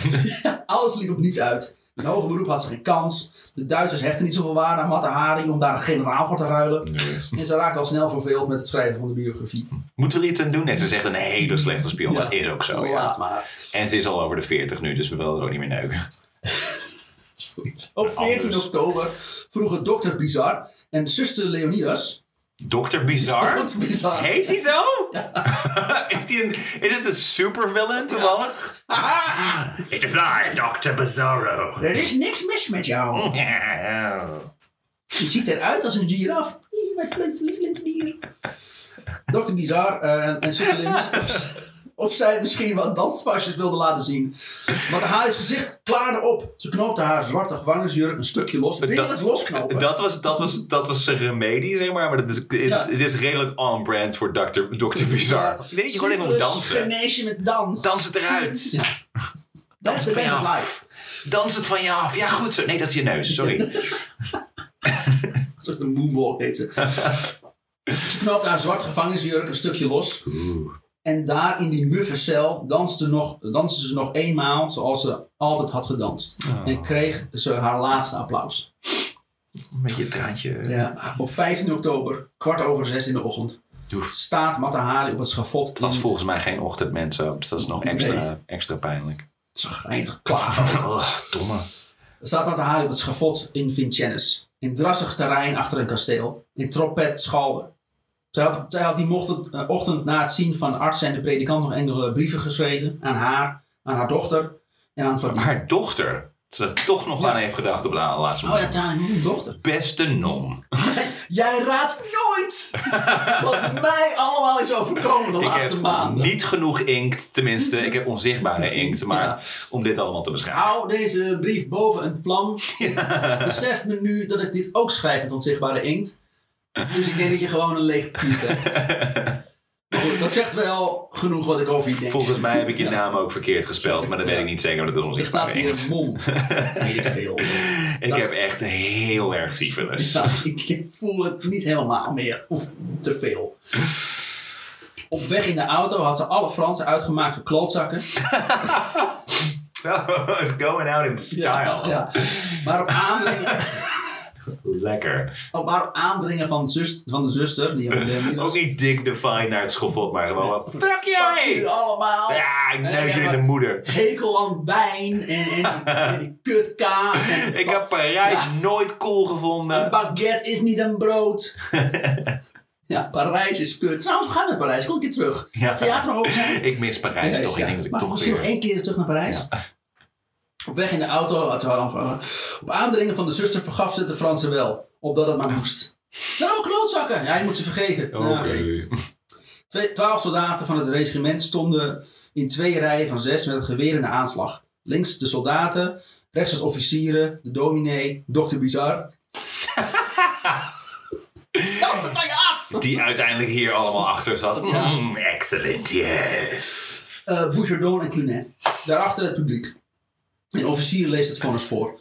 Clunet eh, moet huilen en, staat op en maakt. eh, Is dat die advocaat weer? Ja, Oh. eh, maar hij wordt teruggeroepen door Bouchardon dat hij het normaal moet doen. Nee. Ja. Dat is niet eerlijk, dat zitten. niet. Oké, Dokter Bizar zegt er iets van. ja. dans het van je af.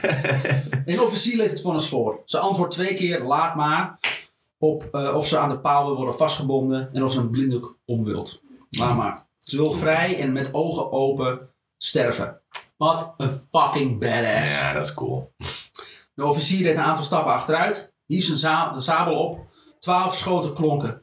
Haar lichaam zakte ineen, bungelde wat aan een touw dat losjes om haar eh, middel hing. Oh, toch wel. En luitenant gaf het genadeschot recht door haar oog. Een Oeh. arts, dokter Bizar, constateerde Jezus. haar dood. Ze was 41. Ah.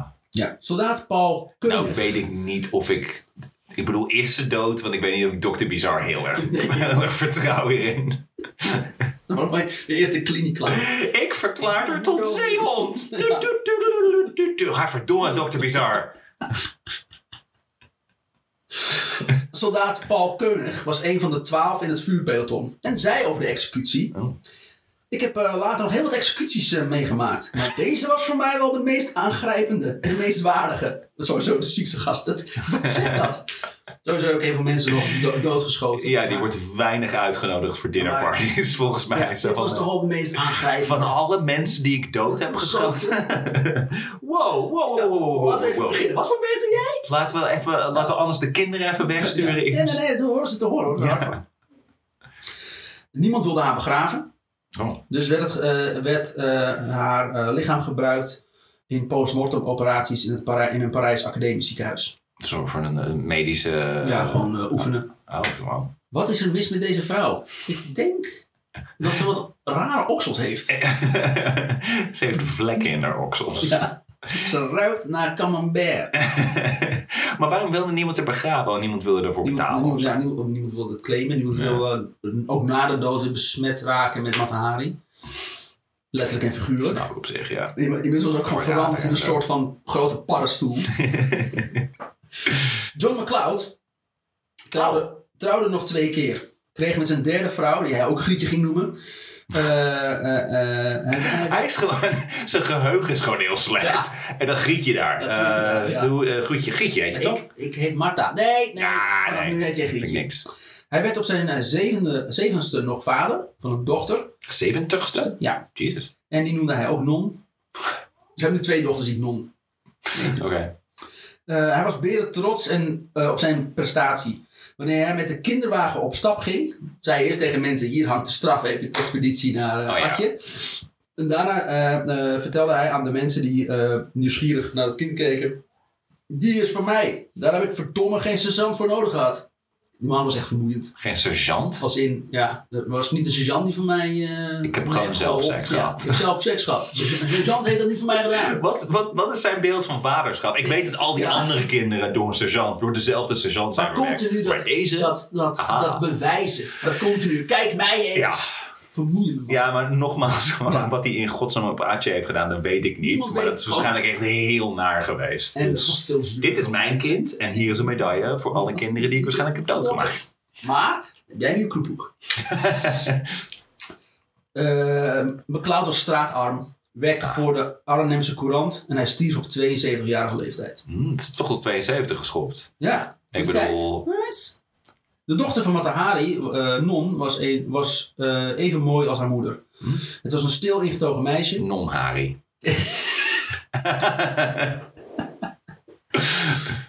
Eh, na de middelbare school doorliep zij de kweekschool in Den Haag. Na een jaar les te hebben gegeven in Arnhem besloot zij naar Nederlands-Indië te reizen. ja, Maar een maand voor haar vertrek op 10 augustus 1919 overleed zij plots aan een hersenbloeding oh. en een hartinfarct. Jezus. Tegelijkertijd? Tegelijkertijd. Oh, die moest echt heel erg dood Die moest God. heel hard dood. Kapot. Kapot. Ja, jij je. echt. Ja, moeder had een hekel aan je en ik ook. En een beetje Oh. syphilis, dat is ook.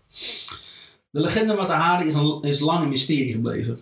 Ook omdat de stukken die over, over dit epos gingen nog tot 200 2017 geheim bleven. Oh, echt? Dus heel Ja. veel hiervan was echt drie jaar geleden, vier jaar geleden Ja. niet bekend nog. Ja. Oh, cool. Bij gebrek aan bewijs fantaseerde iedereen er maar op los. Diverse kranten noemden haar een van de weerzinwekkendste verraders.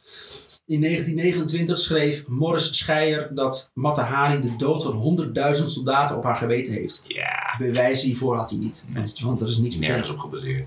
Ze was opeens geen danseres meer die, eh, die op de grootste tonelen in de wereld stonden. Nee, ze werd de eerste striptease danseres van, eh striptease danser van eh, Parijs. Wat niet helemaal onterecht is ook nog een keer. Maar, Nee, maar- maar- waar, de waarheid ligt in het midden. Ja, ze, werd- ze werd omschreven als een- ze, is, ze kan niet dansen, Ah ja. maar dan kom je daar niet. Ze, kan, Nee. ze, kon wel, ze was niet echt super goed, Nee. maar ze was niet mega slecht. Nee, Wel spion. Ehm, eh, die dagelijks optrad in Moulin Rouge en theatertjes aan de Place de Pigalle. Auteur Kurt Singer ging helemaal los in zijn boek. Op 6 september 1952 schreef de dagblad Trouw. Boeiend is Singers lectuur, maar ook ontstellend door de eh, poelen van bederf en geestelijke ontaarding die de schrijver voor ons openlegt. Hm. Daarom is zijn boek beslist niet geschikt om kinderen in de handen te geven, hoe verzot de opgroeiende jeugd ook op dergelijke boeken mogen zijn.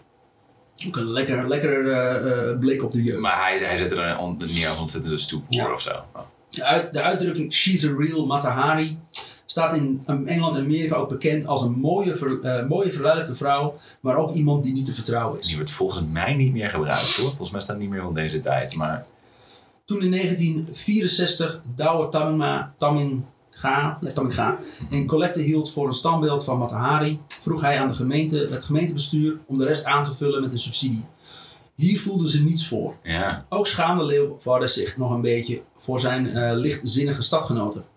Het Ja, lichtzinnig is één ding, maar ze was ook gewoon zeg maar een verraad. was tot dat moment nog steeds een verraadster. Ze was, nou, ze, was natuurlijk, ze was in principe geen verraadster van Nederland, want Nederland zat niet in de oorlog. Dus ja.